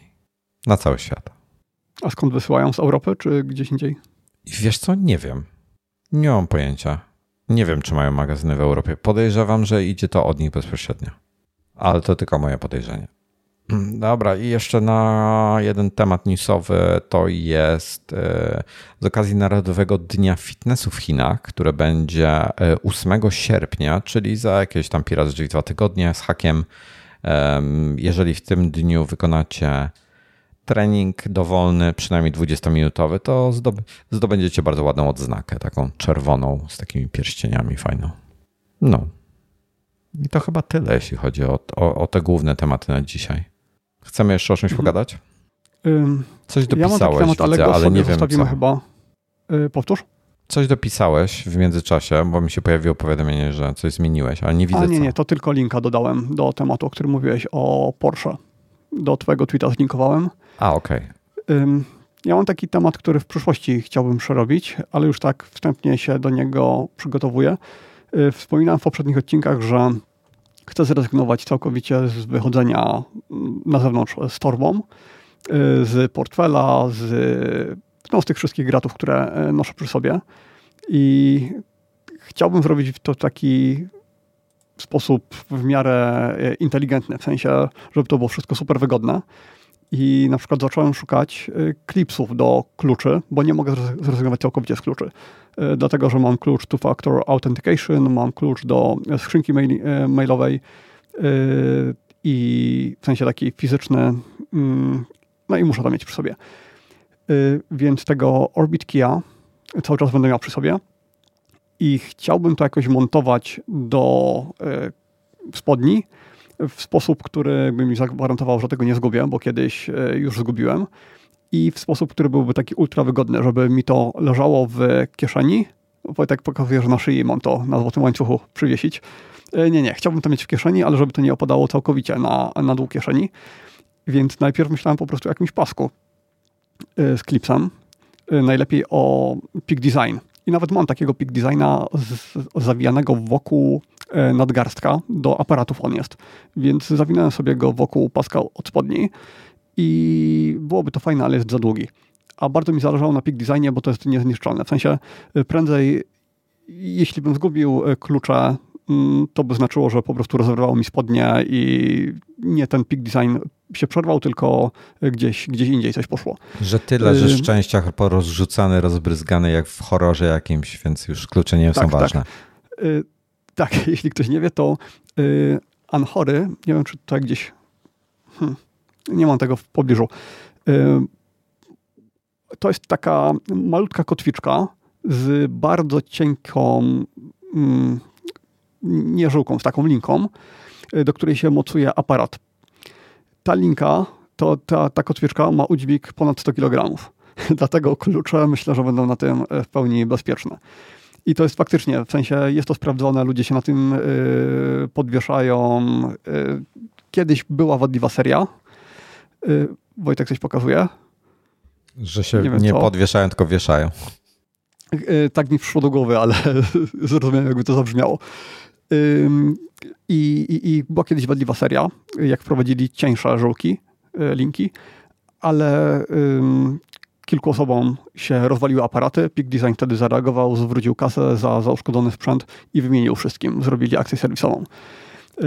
No, ja mam i te cienkie, i mam te poprawione do kluczy. Nawet cienkie by się nadawały, ale szukam innego rozwiązania i się okazało, że to jest, to, to jest ciężki temat, bo na przykład Orbit Key ma takie klipsy do spodni wieszane, które kosztują 40 dolarów ponad. Jak klips, taki, wiesz, normalny klip, do którego y, jedną część zawieszasz o spodnie, a do drugiej podpinasz klucze. 40 parę dolarów. Ale to jest taki bardzo specyficzny klips, gdzie jednym ruchem ręki odpinasz te klucze, one, jak później z powrotem jednym ruchem ręki, one się mocują magnetycznie i wygląda to super solidnie. To znaczy, ludzie trzęsą tym na wszystkie strony i to nie odpada, a w momencie, kiedy to chwytasz, to natychmiast się odpina. A, a, y, a czy jak złodziej chwyci, to też jedną ręką się, się odepnie? No pewnie tak. Yy, ale z tego co widziałem, to jest super, jeśli masz to mocowane na przykład do plecaka, gdzieś tutaj na, e, z przodu, na szelkach z plecaka, gdziekolwiek, ale jeśli chcesz to mieć przy spodniach, to w sumie równie dobrze można byłoby mieć bardziej standardowy klips.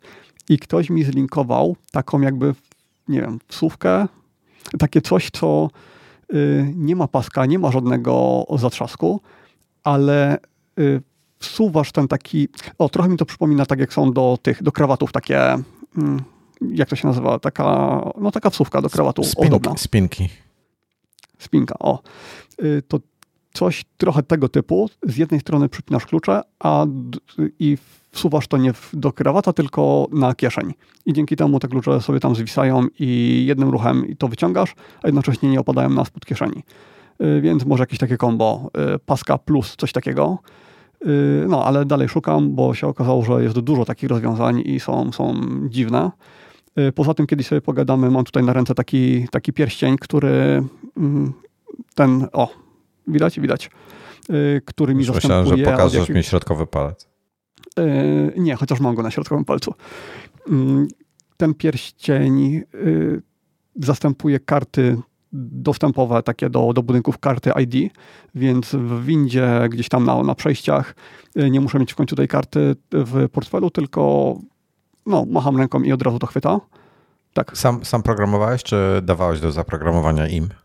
Y, kumpel wszedł z programatorem, y, mój sąsiad i dosłownie w 0,01 sekundy to zaprogramowało. W sensie nie zdążyłem jeszcze tego mu podsunąć pod programator do końca i się okazało, że już tam piknęło i już jest gotowe, a wcześniej kilka godzin się męczyliśmy, y, bo inny znajomy kupił Jack.com R5 taki pierścień. I to jest pierścień, który ma mnóstwo funkcji, tam chyba 7 różnych kart w środku można zaprogramować, czy ileś, 5, 5 na pewno, a chyba więcej. Y, pendrive'a ma w środku jakieś takie dziwne rzeczy, ale jednocześnie ten pierścień jest y, gruby, duży, taki nie, nie wygląda jak normalny pierścionek, tylko widać, że tam coś, jakaś elektronika siedzi w środku. I męczyliśmy się przez kilka godzin, żeby go zaprogramować. Miał czytnik dołączony do tego i się okazało, że, bo my mamy karty HID, HID. I y, te karty, ja myślałem, że to są zwykłe karty ID, tak jak wszystkie inne. No ale wynika z tego, że chyba jednak niekoniecznie, bo ten pierścień miał napisane, że obsługuje karty ID, karty IC, karty jakieś tam jeszcze inne, szyfrowane, różne, ale nie miał nigdzie wyodrębnionego konkretnie tego HID. Natomiast starszy model R3 miał to na stronie napisane, że obsługuje te, te HIDy. No i kupiłem ten starszy model, zaskoczył od razu. On jest też bardziej kompaktowy, wygląda jak normalny, zwykły pierścień. Więc super, od kilku dni y, jest to tak wygodne, że nie muszę za każdym razem sięgać do torby, wyciągać tego wszystkiego, tylko przykładam rękę i, i wszystko działa. Y, no, nie wiem, czy bym chciał y, chodzić ale... z takim grubym pierścieniem. Pokaż go trochę bliżej kamery. Nie, nie, właśnie ten jest cienki. Ten to jest zupełnie normalny pierścień. Czekaj. Mamy, mamy różne pojęcia o cienkości. To jest Ma 12 kawał... mm albo 8? 8. No, to jest kawał blachy na palcu. To, czy, nie, nie, no to czekaj, to ja to noszę yy, ja to noszę w ten sposób. W sensie ja mam zawsze jeszcze dodatkowe mm, pierścienie na rękach w sensie jeśli noszę coś na rękach, to to zawsze jest w, w parze z innymi rzeczami, więc albo mam na sobie mnóstwo blachy, albo, albo nic. Żadne takie cienkie nie, nie Ja mam na sobie tyle blachy. No bo tak pokazuje obrączkę, chyba 4 mm.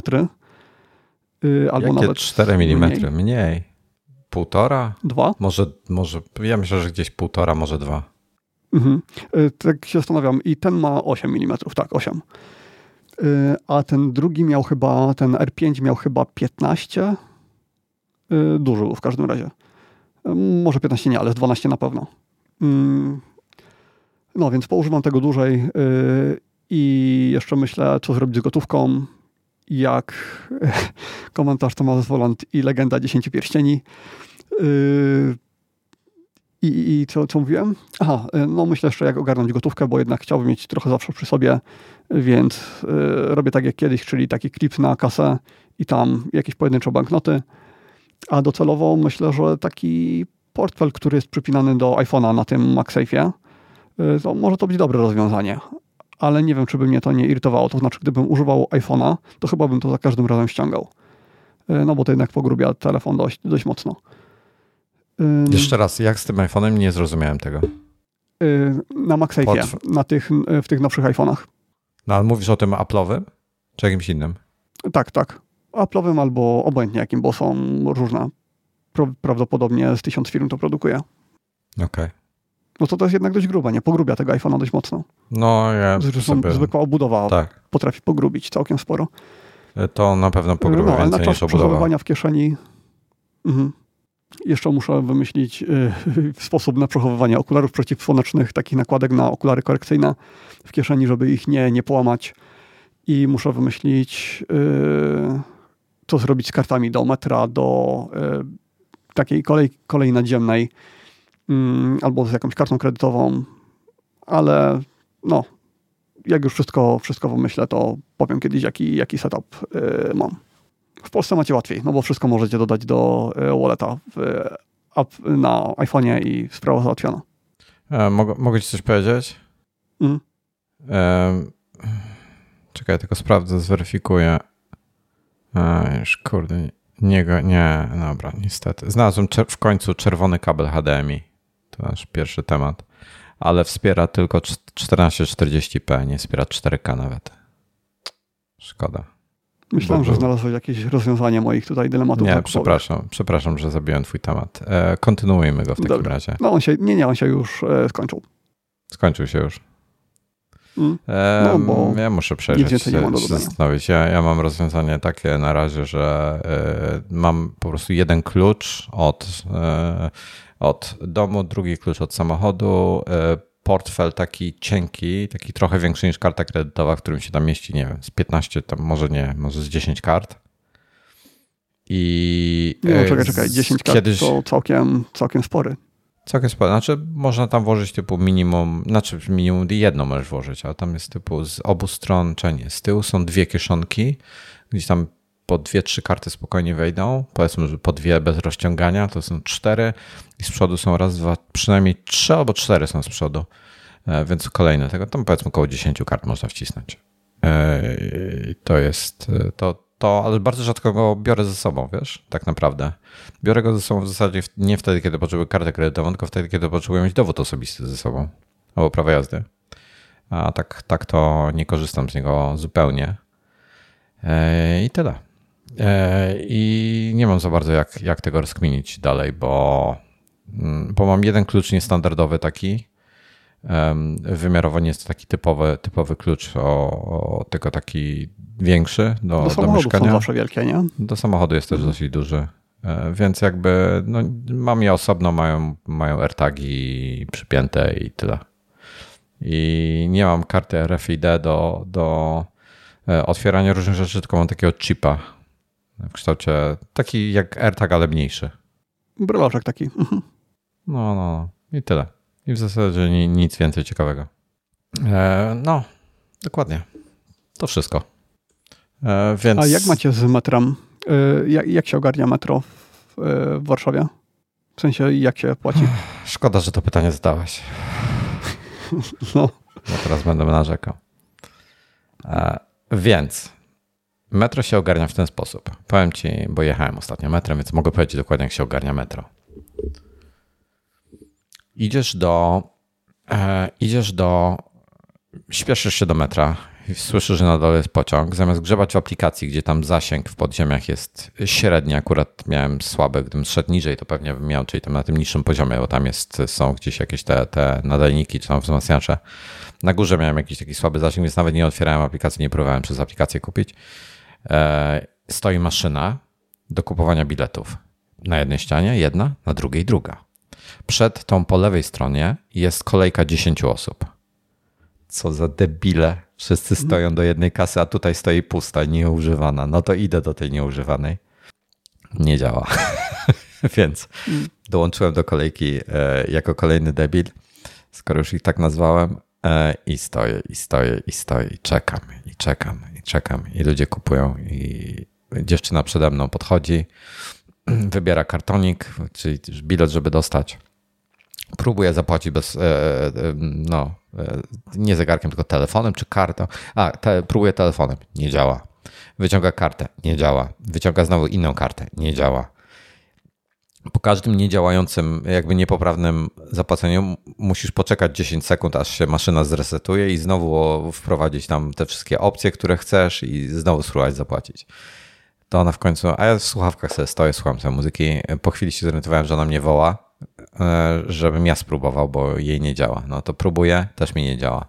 Więc zmarnowałem tak chyba z 10 minut, wkurzyłem się, wyszedłem kawałek, odszedłem kawałek dalej, uruchomiłem aplikację, kupiłem sobie bilecik i wszystko ok. Mam w aplikacji bilecik, wróciłem z powrotem do wejścia do metra e, i kod QR znalazłem, który trzeba zeskanować, wtedy ci kasuje bilet i wtedy wchodzisz na dół, ale nie otwiera się, nie, nie, nie byłem w stanie otworzyć E, drzwiczek. Normalnie jest taki metalowy, taka, taki, wiesz, taki pałąk, który się obraca, takie trzy są mhm. jakby, wiesz o co chodzi.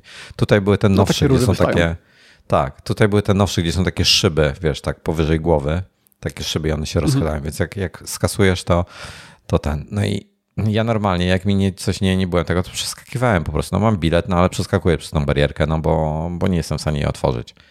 E, dawali kiedyś, dawno temu, obok było takie, były takie kartonowe jakby e, bileciki, które nie były biletami, tylko były takimi przepustkami, żeby otworzyć właśnie e, te drzwiczki, kiedy masz bilet elektroniczny. Teraz ponoć gdzieś można w aplikacji jakiś tam gdzieś się dostać, ale ja nie byłem w stanie tego znaleźć, jakiś kod wygenerować QR tego biletu, który masz i, go, i jego zeskanować. Czyli zamiast wkładać bilet, e, do, który ci otworzy drzwi, te, te drzwiczki, to przykładasz telefon, on ci skanuje ten kod QR i wtedy ci się otwierają. To nawet nie wiem, jak to miałoby działać.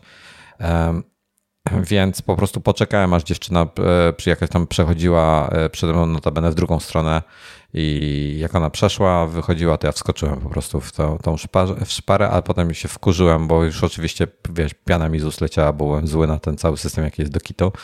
Do, do SMS, do żona, do... Jezu, SMS-a wysłałem do żony. E, w zasadzie było tam niewiele w nim normalnych słów, tylko było dużo przekleństw, co o tym wszystkim myślę.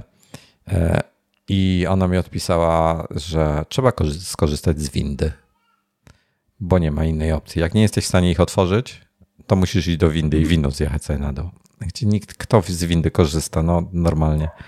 Więc, więc już wiem na przyszłość, że muszę iść do windy w takiej sytuacji, jak mi się nie uda żadnych tam kodów pouruchamiać i tak dalej.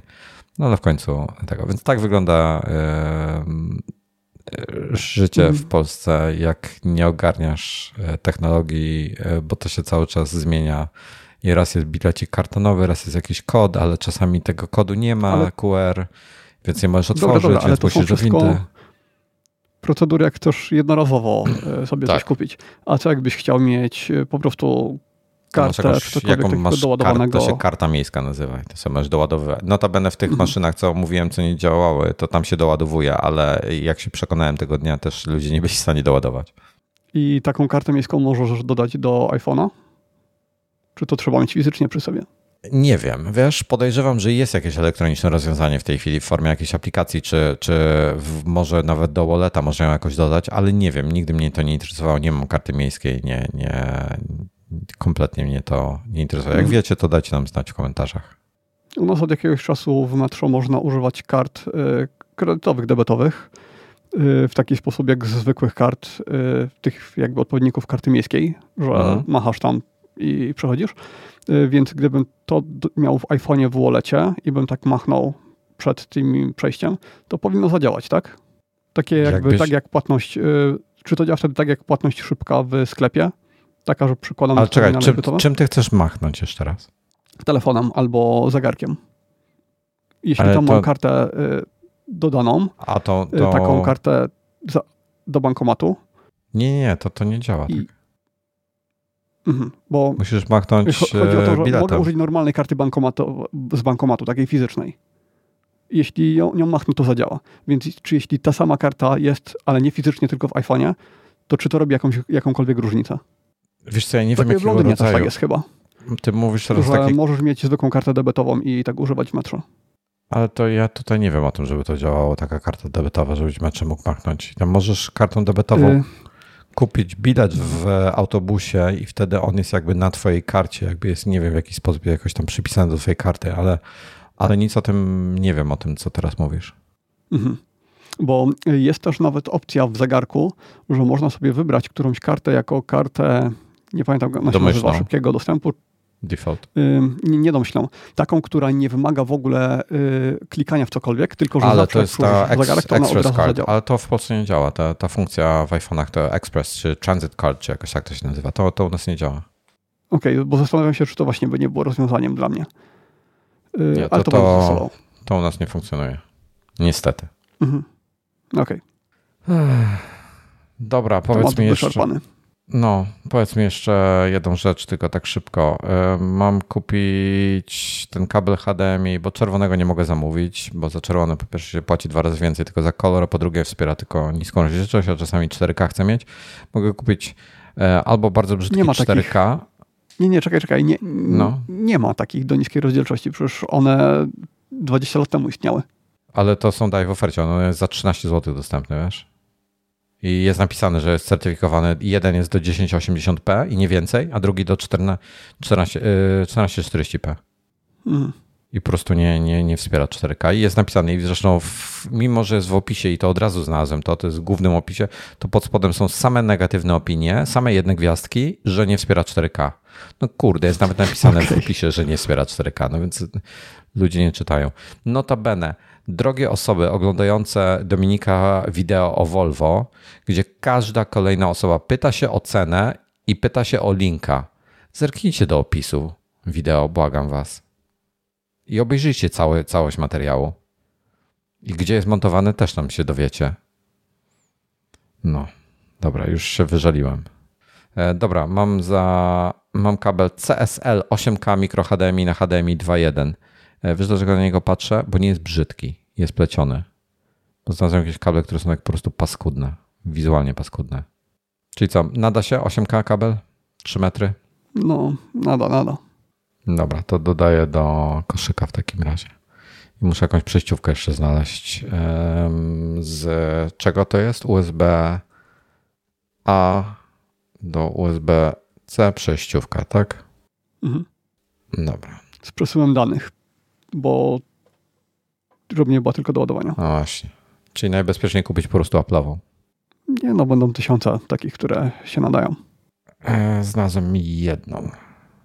Dwie. Bo wpisałeś przejściówka? Może. To wpisz USB-C, USB-A po prostu. Adapter wpiszę. Nie, ostatnie kabli szukam, to same kabli mi porzucał. No są dobra, dobra, zostawmy sobie to do after show. Czy dobra. mamy jeszcze coś do odcinka? Nie, nie, nie mamy. To w zasadzie jest chyba już after show. Chyba, że coś chcesz jeszcze pogadać. Ja jeszcze kącik kinowy chciałem wspomnieć szybko. Mm, no to wspominaj.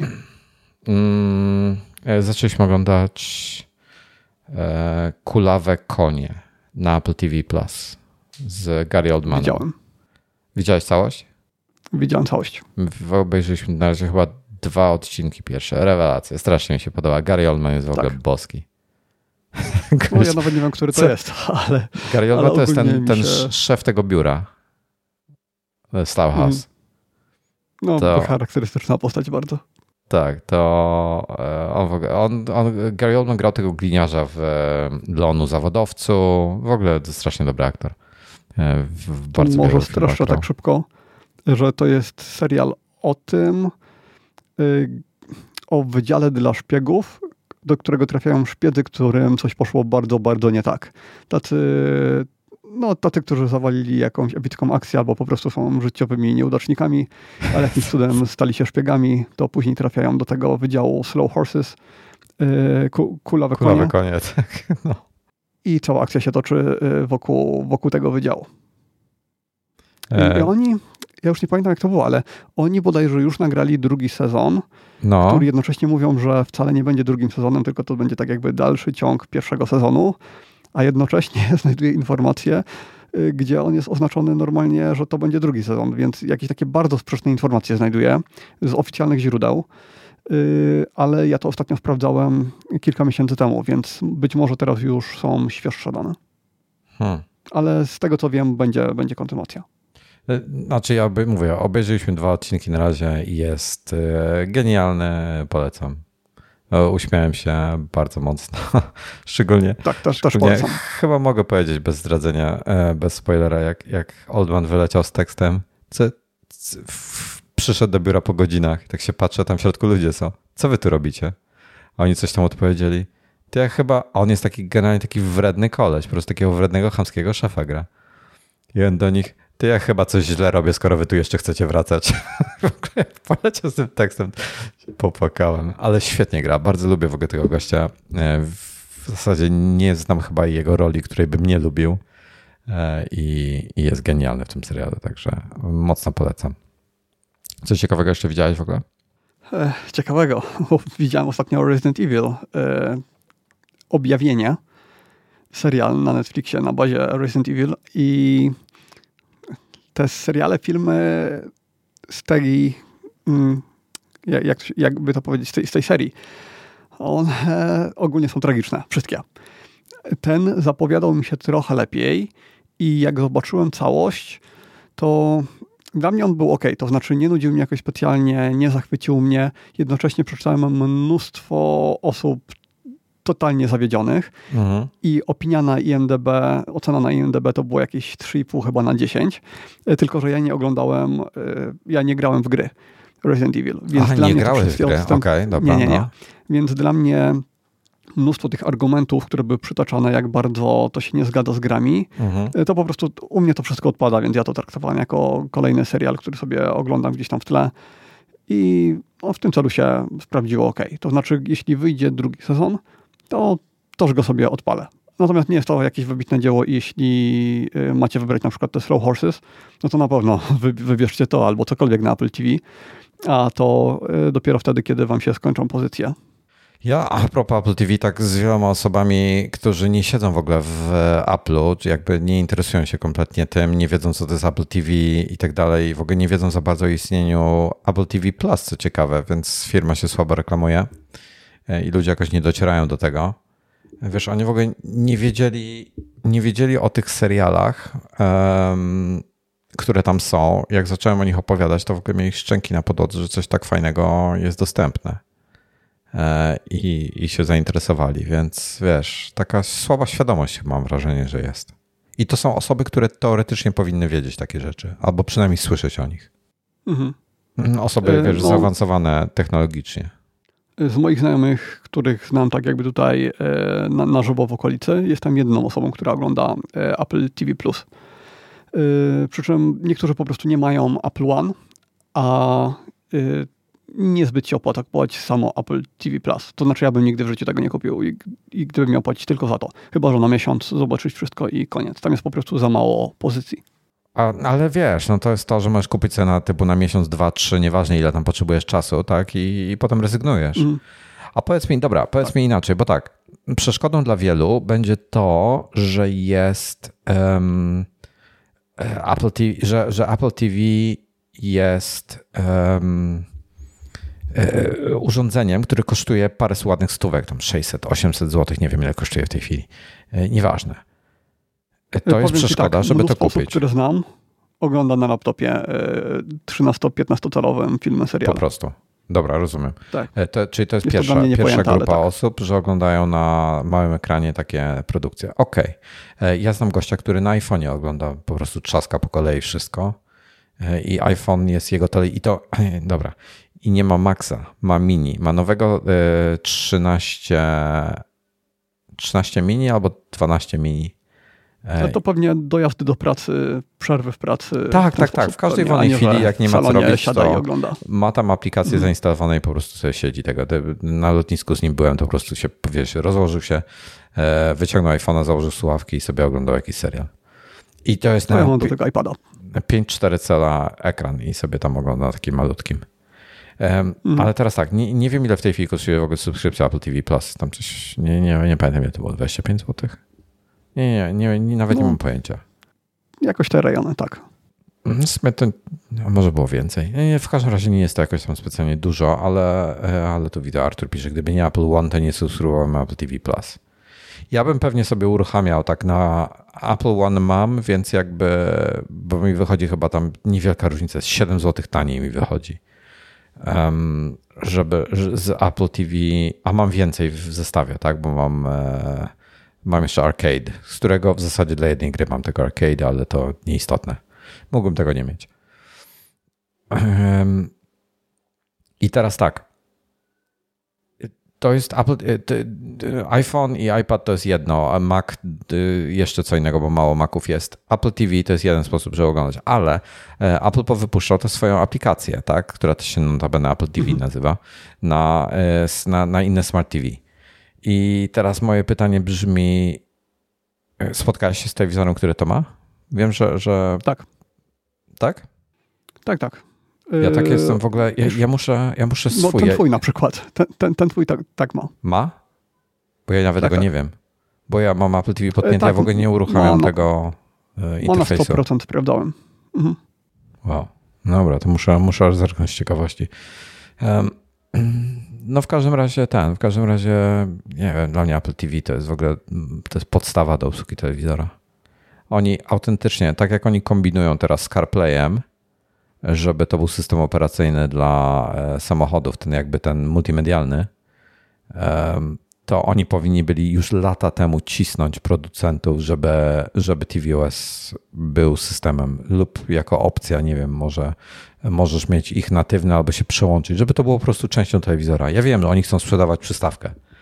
E, ja to rozumiem, ale jak teraz się okazuje, e, mając program, własną platformę całą, to by im się to przydało i, i by na tym więcej zyskali. No, ale dopiero teraz bo tak. wcześniej to nie miało dla nich żadnego sensu, a teraz tak, teraz ma. No tak, ale jakby wiesz, y Apple TV kiedy się pojawił? Przed pandemią, 19-20 rok, gdzieś ten rejon? To, to już, już minęły tam te mhm. 2-3 lata, odkąd to jest, no tak jakby 5 lat temu zaczęli to wpychać do, do każdego telewizora, no to wiesz, to dzisiaj, dzisiaj wiele osób by to miało już tak domyślnie. No, bo obecnie kupno Apple TV odradzam, bo po prostu jest już tak długo na rynku, że musi być jakiś update i cena Właśnie, jest są totalnie oderwana. No, są plotki, mhm. że będzie nowy, e, oparty o A14. Obecnie jest chyba oparty na A12. Szczerze nie wiem, czy będę wymieniał. Ten, ja miałem tego nowego na A12. E, działa bardzo sprawnie, nie mam zastrzeżeń, ma te wszystkie nowe bariery, jakieś te, tego. Nie wiem, co oni dodadzą tutaj potencjalnie, na czym mógłbym. E, wiem, co dodadzą. Matter dodadzą pewnie, wsparcie. Jest. W HomePodzie mini tylko jest Matter. Aha, czyli thread jest w... E, przepraszam, thread. Jest nie. tylko w HomePodzie. Jest, jest w Apple, TV? TV? Tak? Mhm. No proszę. No to nie wiem, co jeszcze mogą dodać. Na, dodam tutaj na wszelki wypadek na 99%. Ja e, na, no, ja... Mogą dodać e, router albo jakieś takie rzeczy, o których mówiliśmy, że zbliża się jakieś takie dziwne urządzenie bardziej zaawansowane z Zobaczymy. kilkoma portami internet. No to jedynie w tym kierunku chyba mogą pójść. E, ale tak czy tak powinni bardzo mocno obniżyć cenę tego Apple TV, które jest obecnie, bo jest. Nie, nie wiem skąd oni to, to biorą. Dobra, powiedz mi jeszcze teraz, yy, nie ma, thread jest. Powiedz mi jeszcze jedną rzecz, cześć Krzysztofie. Mhm. Powiedz mi jeszcze jedną rzecz. Co jeśli ja sobie urąbałem port e, w kamerze, a nie, a nie e, kabel? Nie, nie, nie ma szans. A jeśli, a jeśli nie, mam takie szczęście? E, nie, nie, to jest niemożliwe, bo ten port, on się jeśli to nie jest monitor LG, y, który ma strasznie dziwnie zamontowane y, porty HDMI, no. to we wszystkim innym jest tak, że to HDMI jest porządnie przylutowane i wtyczka opiera się o obudowę, więc jak tam na, na boki ruszasz, to obudowa blokuje cały czas, y, żeby to nie mogło się za mocno ruszać. Więc myślę, że nie byłeś w stanie tego zrobić. No zerknąłem do środka, jakby port jest cały ale boję się, że po prostu gdzieś tam coś szlak trafiło i, i że dlatego nie działa, że kabel jest ok, a że dlatego nie działa.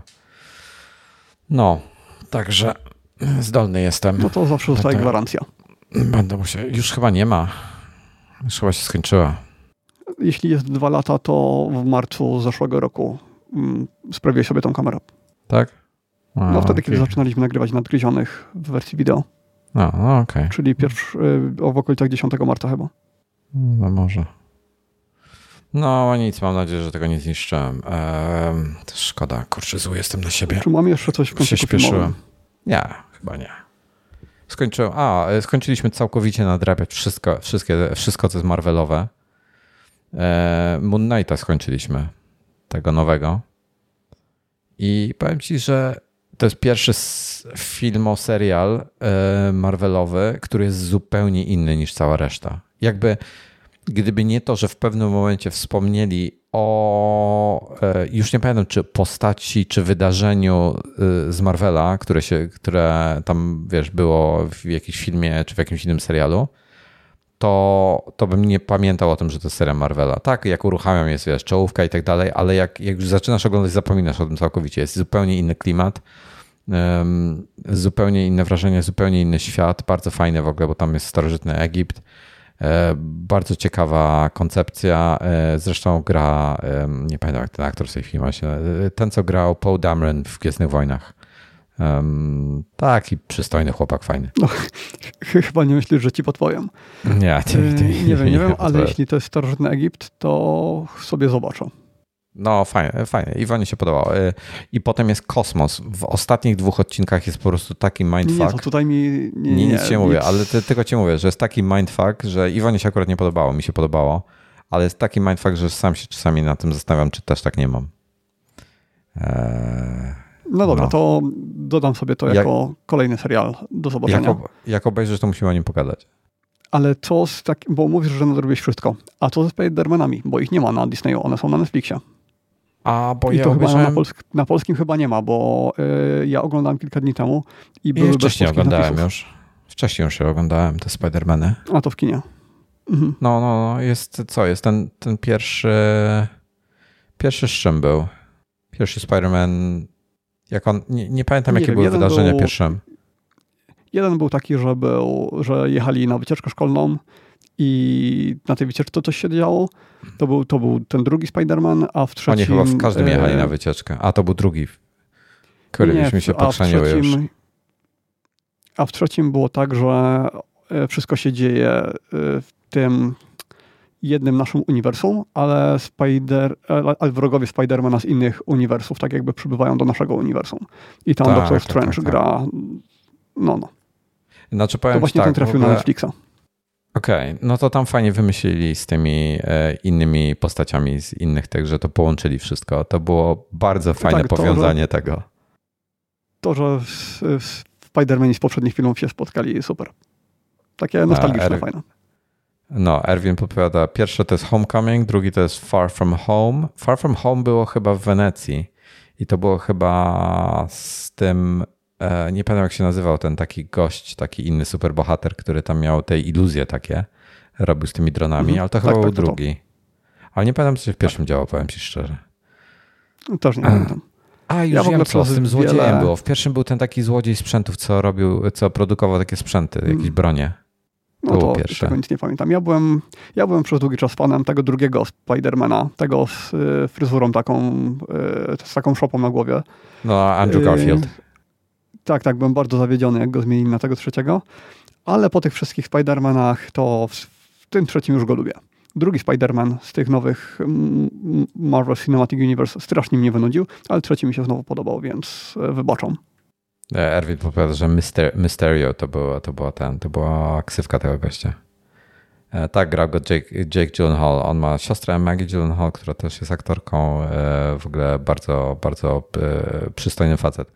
Tom Holland jest w ogóle wysportowany na maksa, bo on jest byłem. Um, on robił, on ćwiczył aerobat, nie, nie wiem jak to się nazywa, to jest to takie, masz takie na linach takie dwie, dwa okrągłe takie pierścienie, których się trzymasz, się podciągasz na różne sposoby i jakieś tam akrobacje robisz. Mhm.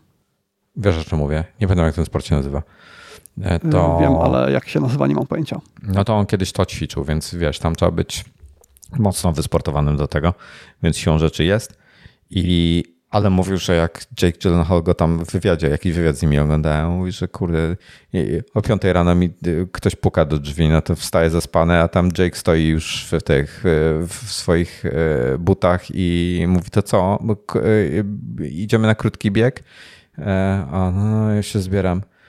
I, I wiesz, po dwóch milach zaczynam się zastanawiać, ile jeszcze będziemy biegli. A on mówi, no, to dopiero się rozgrzeliśmy, to jeszcze tak z 10 trzaśniemy, co?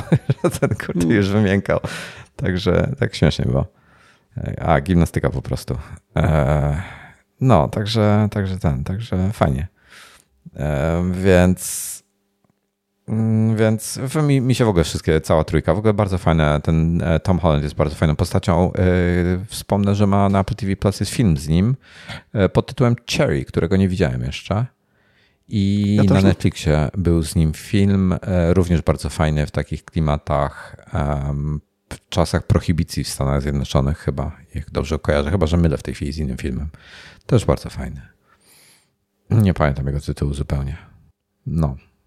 Także tyle, chyba. Chyba, że coś jeszcze chcesz pogadać. Um, nie. Na czacie podpowiadają nam, że takie ćwiczenia nazywają się gimnastyka. Tak. tak. jakie, jakie on uprawiał. Um, a Tomasz pisze, że ogląda The Boys. Jeśli ktoś nie oglądał The Boys, to to jest serial, który powinien zobaczyć w pierwszej kolejności. Był sezon, był finał trzeciego sezonu ostatnio i jest znakomity. Wojtek Dziś, nie widział. Dzisiaj jest piątek. Wiesz, co dzisiaj obejrzę? Kolejny Boys. odcinek E, For All Mankind. Slow Horses. Slow A, Horses no tak. też, ale For All Mankind też. E, From All Mankind zostało jeszcze chyba trzy odcinki do końca, mm. więc ja ciągle czekam. No, myślę, że może sobie, nie wiem ile oglądasz dziennie tych odcinków, ale myślę, że tak wiesz, te pięć dni przed ostatnim odcinkiem możesz y zacząć oglądać. No, ja muszę dzień wcześniej, bo ja wiem, jak było z. Że się wciągnąłeś y tak, że nie mogłeś przestać. Tak, tak, strasznie mi później brakuje tych e, kolejnych. Gdyby nie... drugi sezon no. oglądałem tak jak ty, że odcinka na odcinek, ale ja się później gubię w fabule, nie pamiętam co było wcześniej, e, te przypomnienia no są ok, ale nie wiem, tak jakoś e, ja, ja muszę to oglądać ciągiem, nie, nie potrafię na raty. E, tutaj jeszcze jest real-time follow-up, że a propos tych kabli mikro HDMI, zobacz taką firmę A, N, przeliteruję to. A, N, N, N, W, Z, Z, D. Serio, to jest jakaś firma. Chińszczyzna z tego to dobrze działał z aparatami. Kupiłem już marki CSL, prostsze w wymówieniu było. No i jest zgodna z e, telewizją Fernseher aparat oraz tabletami. Więc zobaczymy, czy działa. Z, ale działa z tym. Sony Alpha 6600, więc za, mam nadzieję, że z moją siódemką też ruszy. No, tyle. To z HDMI, to z wszystkim, wszystko z wszystkim działa. Wszystko powinno działać, prawda? I ma pozytywne opinie w odróżnieniu od tamtego kabla. Oficjalne tak. zakończenie? Chi, tak, Chińczyk zasnął na klawiaturze wymyślając nazwę. Albo mu się jakiś kod przebiegł po niej. No, dokładnie. Dobra, e, tak, kończymy. E, kończymy w takim razie. E, dziękuję bardzo za towarzystwo. Dzisiaj było tak lajtowo. Mamy lato, jest lajtowo, musi być lajtowo. E, I do usłyszenia za tydzień. Do usłyszenia. Cześć.